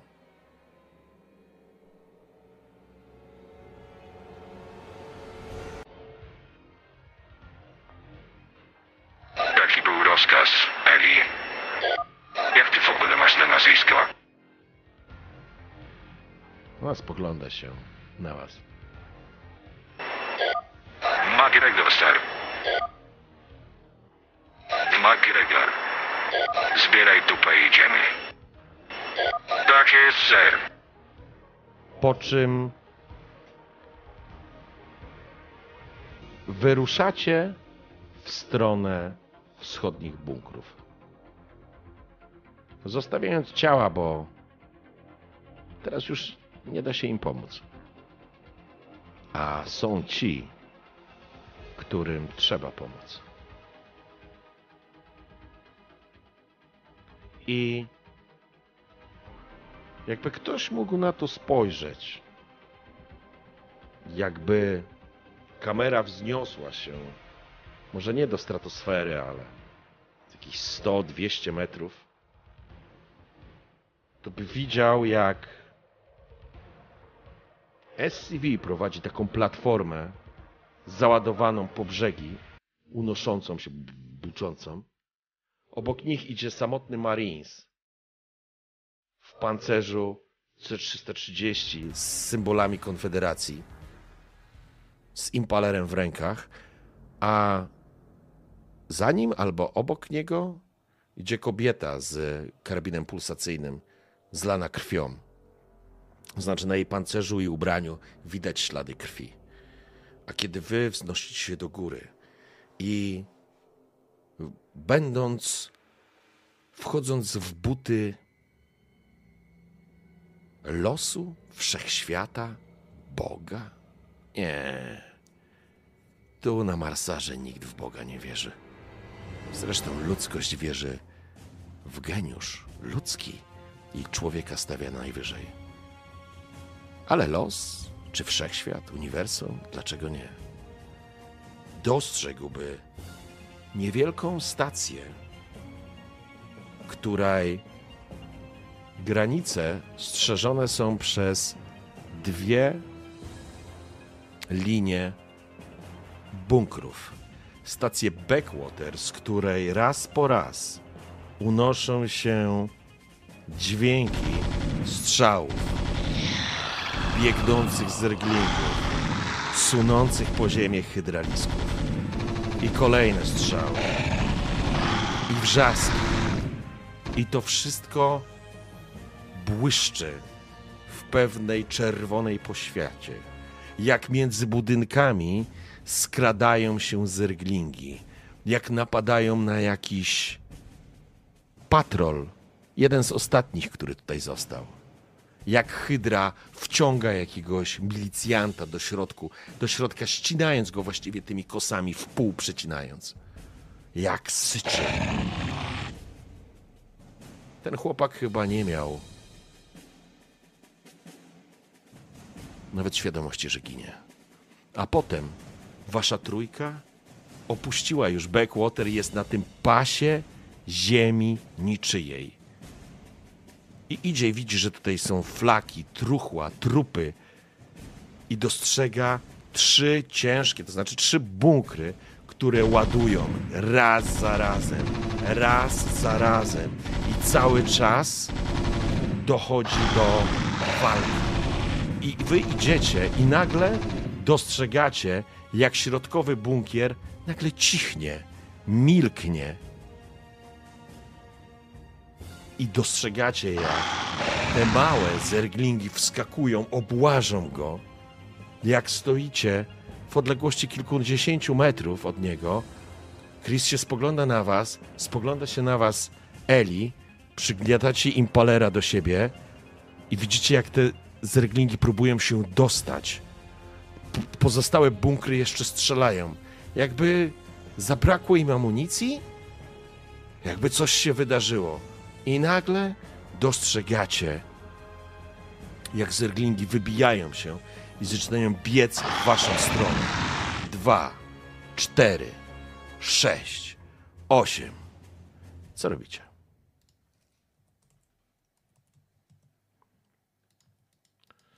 Wycofujecie się.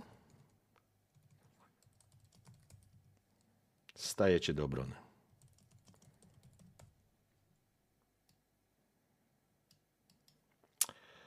Eee, obrona. Poczekajcie.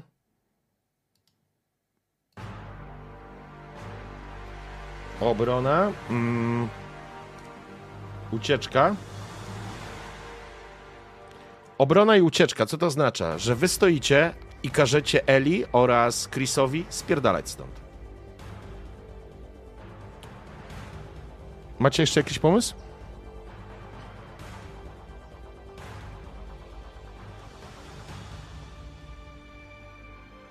No to go.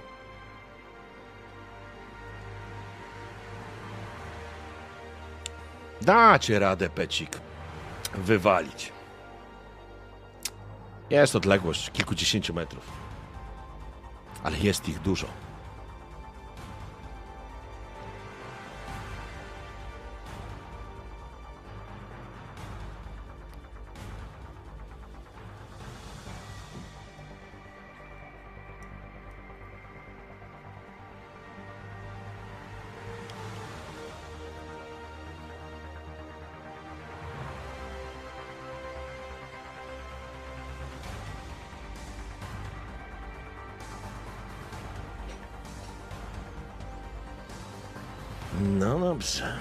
Wygląda na to, że. Nie no, Chris nie jest w stanie walczyć, to znaczy musiałby się wypiąć z tego SCV.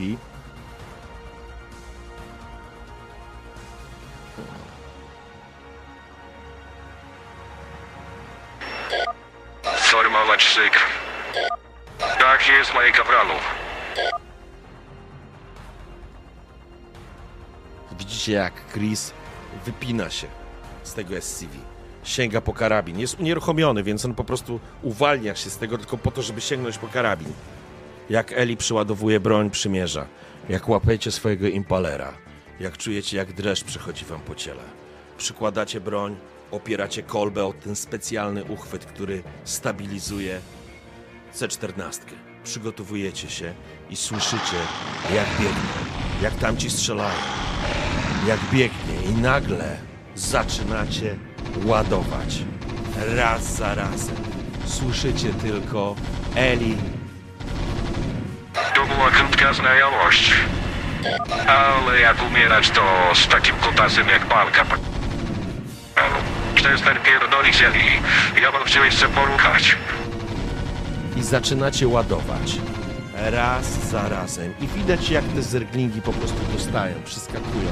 W pewnym momencie ich jest więcej i więcej, a pociski i wrzaski unoszą się, a wy waliecie, walicie ze wszystkiego, co macie.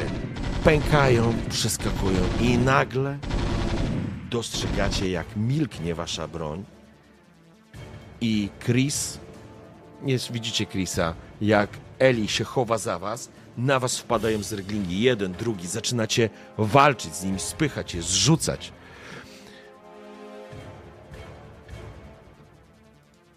Dam wam jeszcze jedną rzecz. Punkt fabuły. Chcę z wami pohandlować. Dajecie albo nie? Wydajecie? Nie. Jeżeli wydacie punkt fabuły, będziecie chronić Eli. Jeżeli nie wydacie punktu fabuły, będzie ryzyko, że ją dopadną.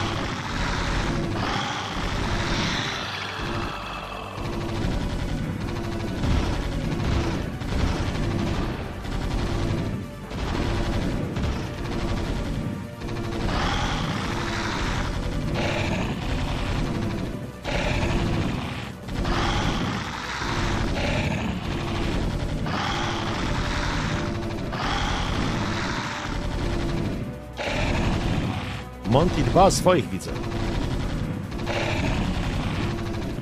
I kiedy w akompaniamencie bestii, które was otaczają i zaczynacie strzelać, wydajecie punkt fabuły, zasłaniacie, zasłaniacie Eli, wiecie, że te zapasy są niezbędne, żeby utrzymać, więc nie możecie wykorzystać, nie możecie wystrzelić w te zapasy, żeby wszystko rozwaliło się tutaj dookoła. Walczycie z przerażającą, z przeważającą ilością wrogów, którzy, którzy was po prostu otaczają. Wywalicie w nich. I w momencie, kiedy na waszym wizjerze pojawia się paszcza zerglinga, kiedy słyszycie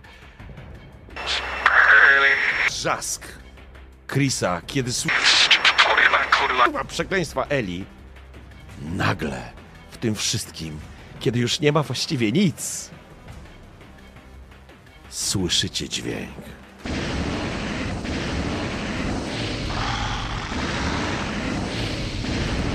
A na waszym wizjerze wybuchają snopy ognia.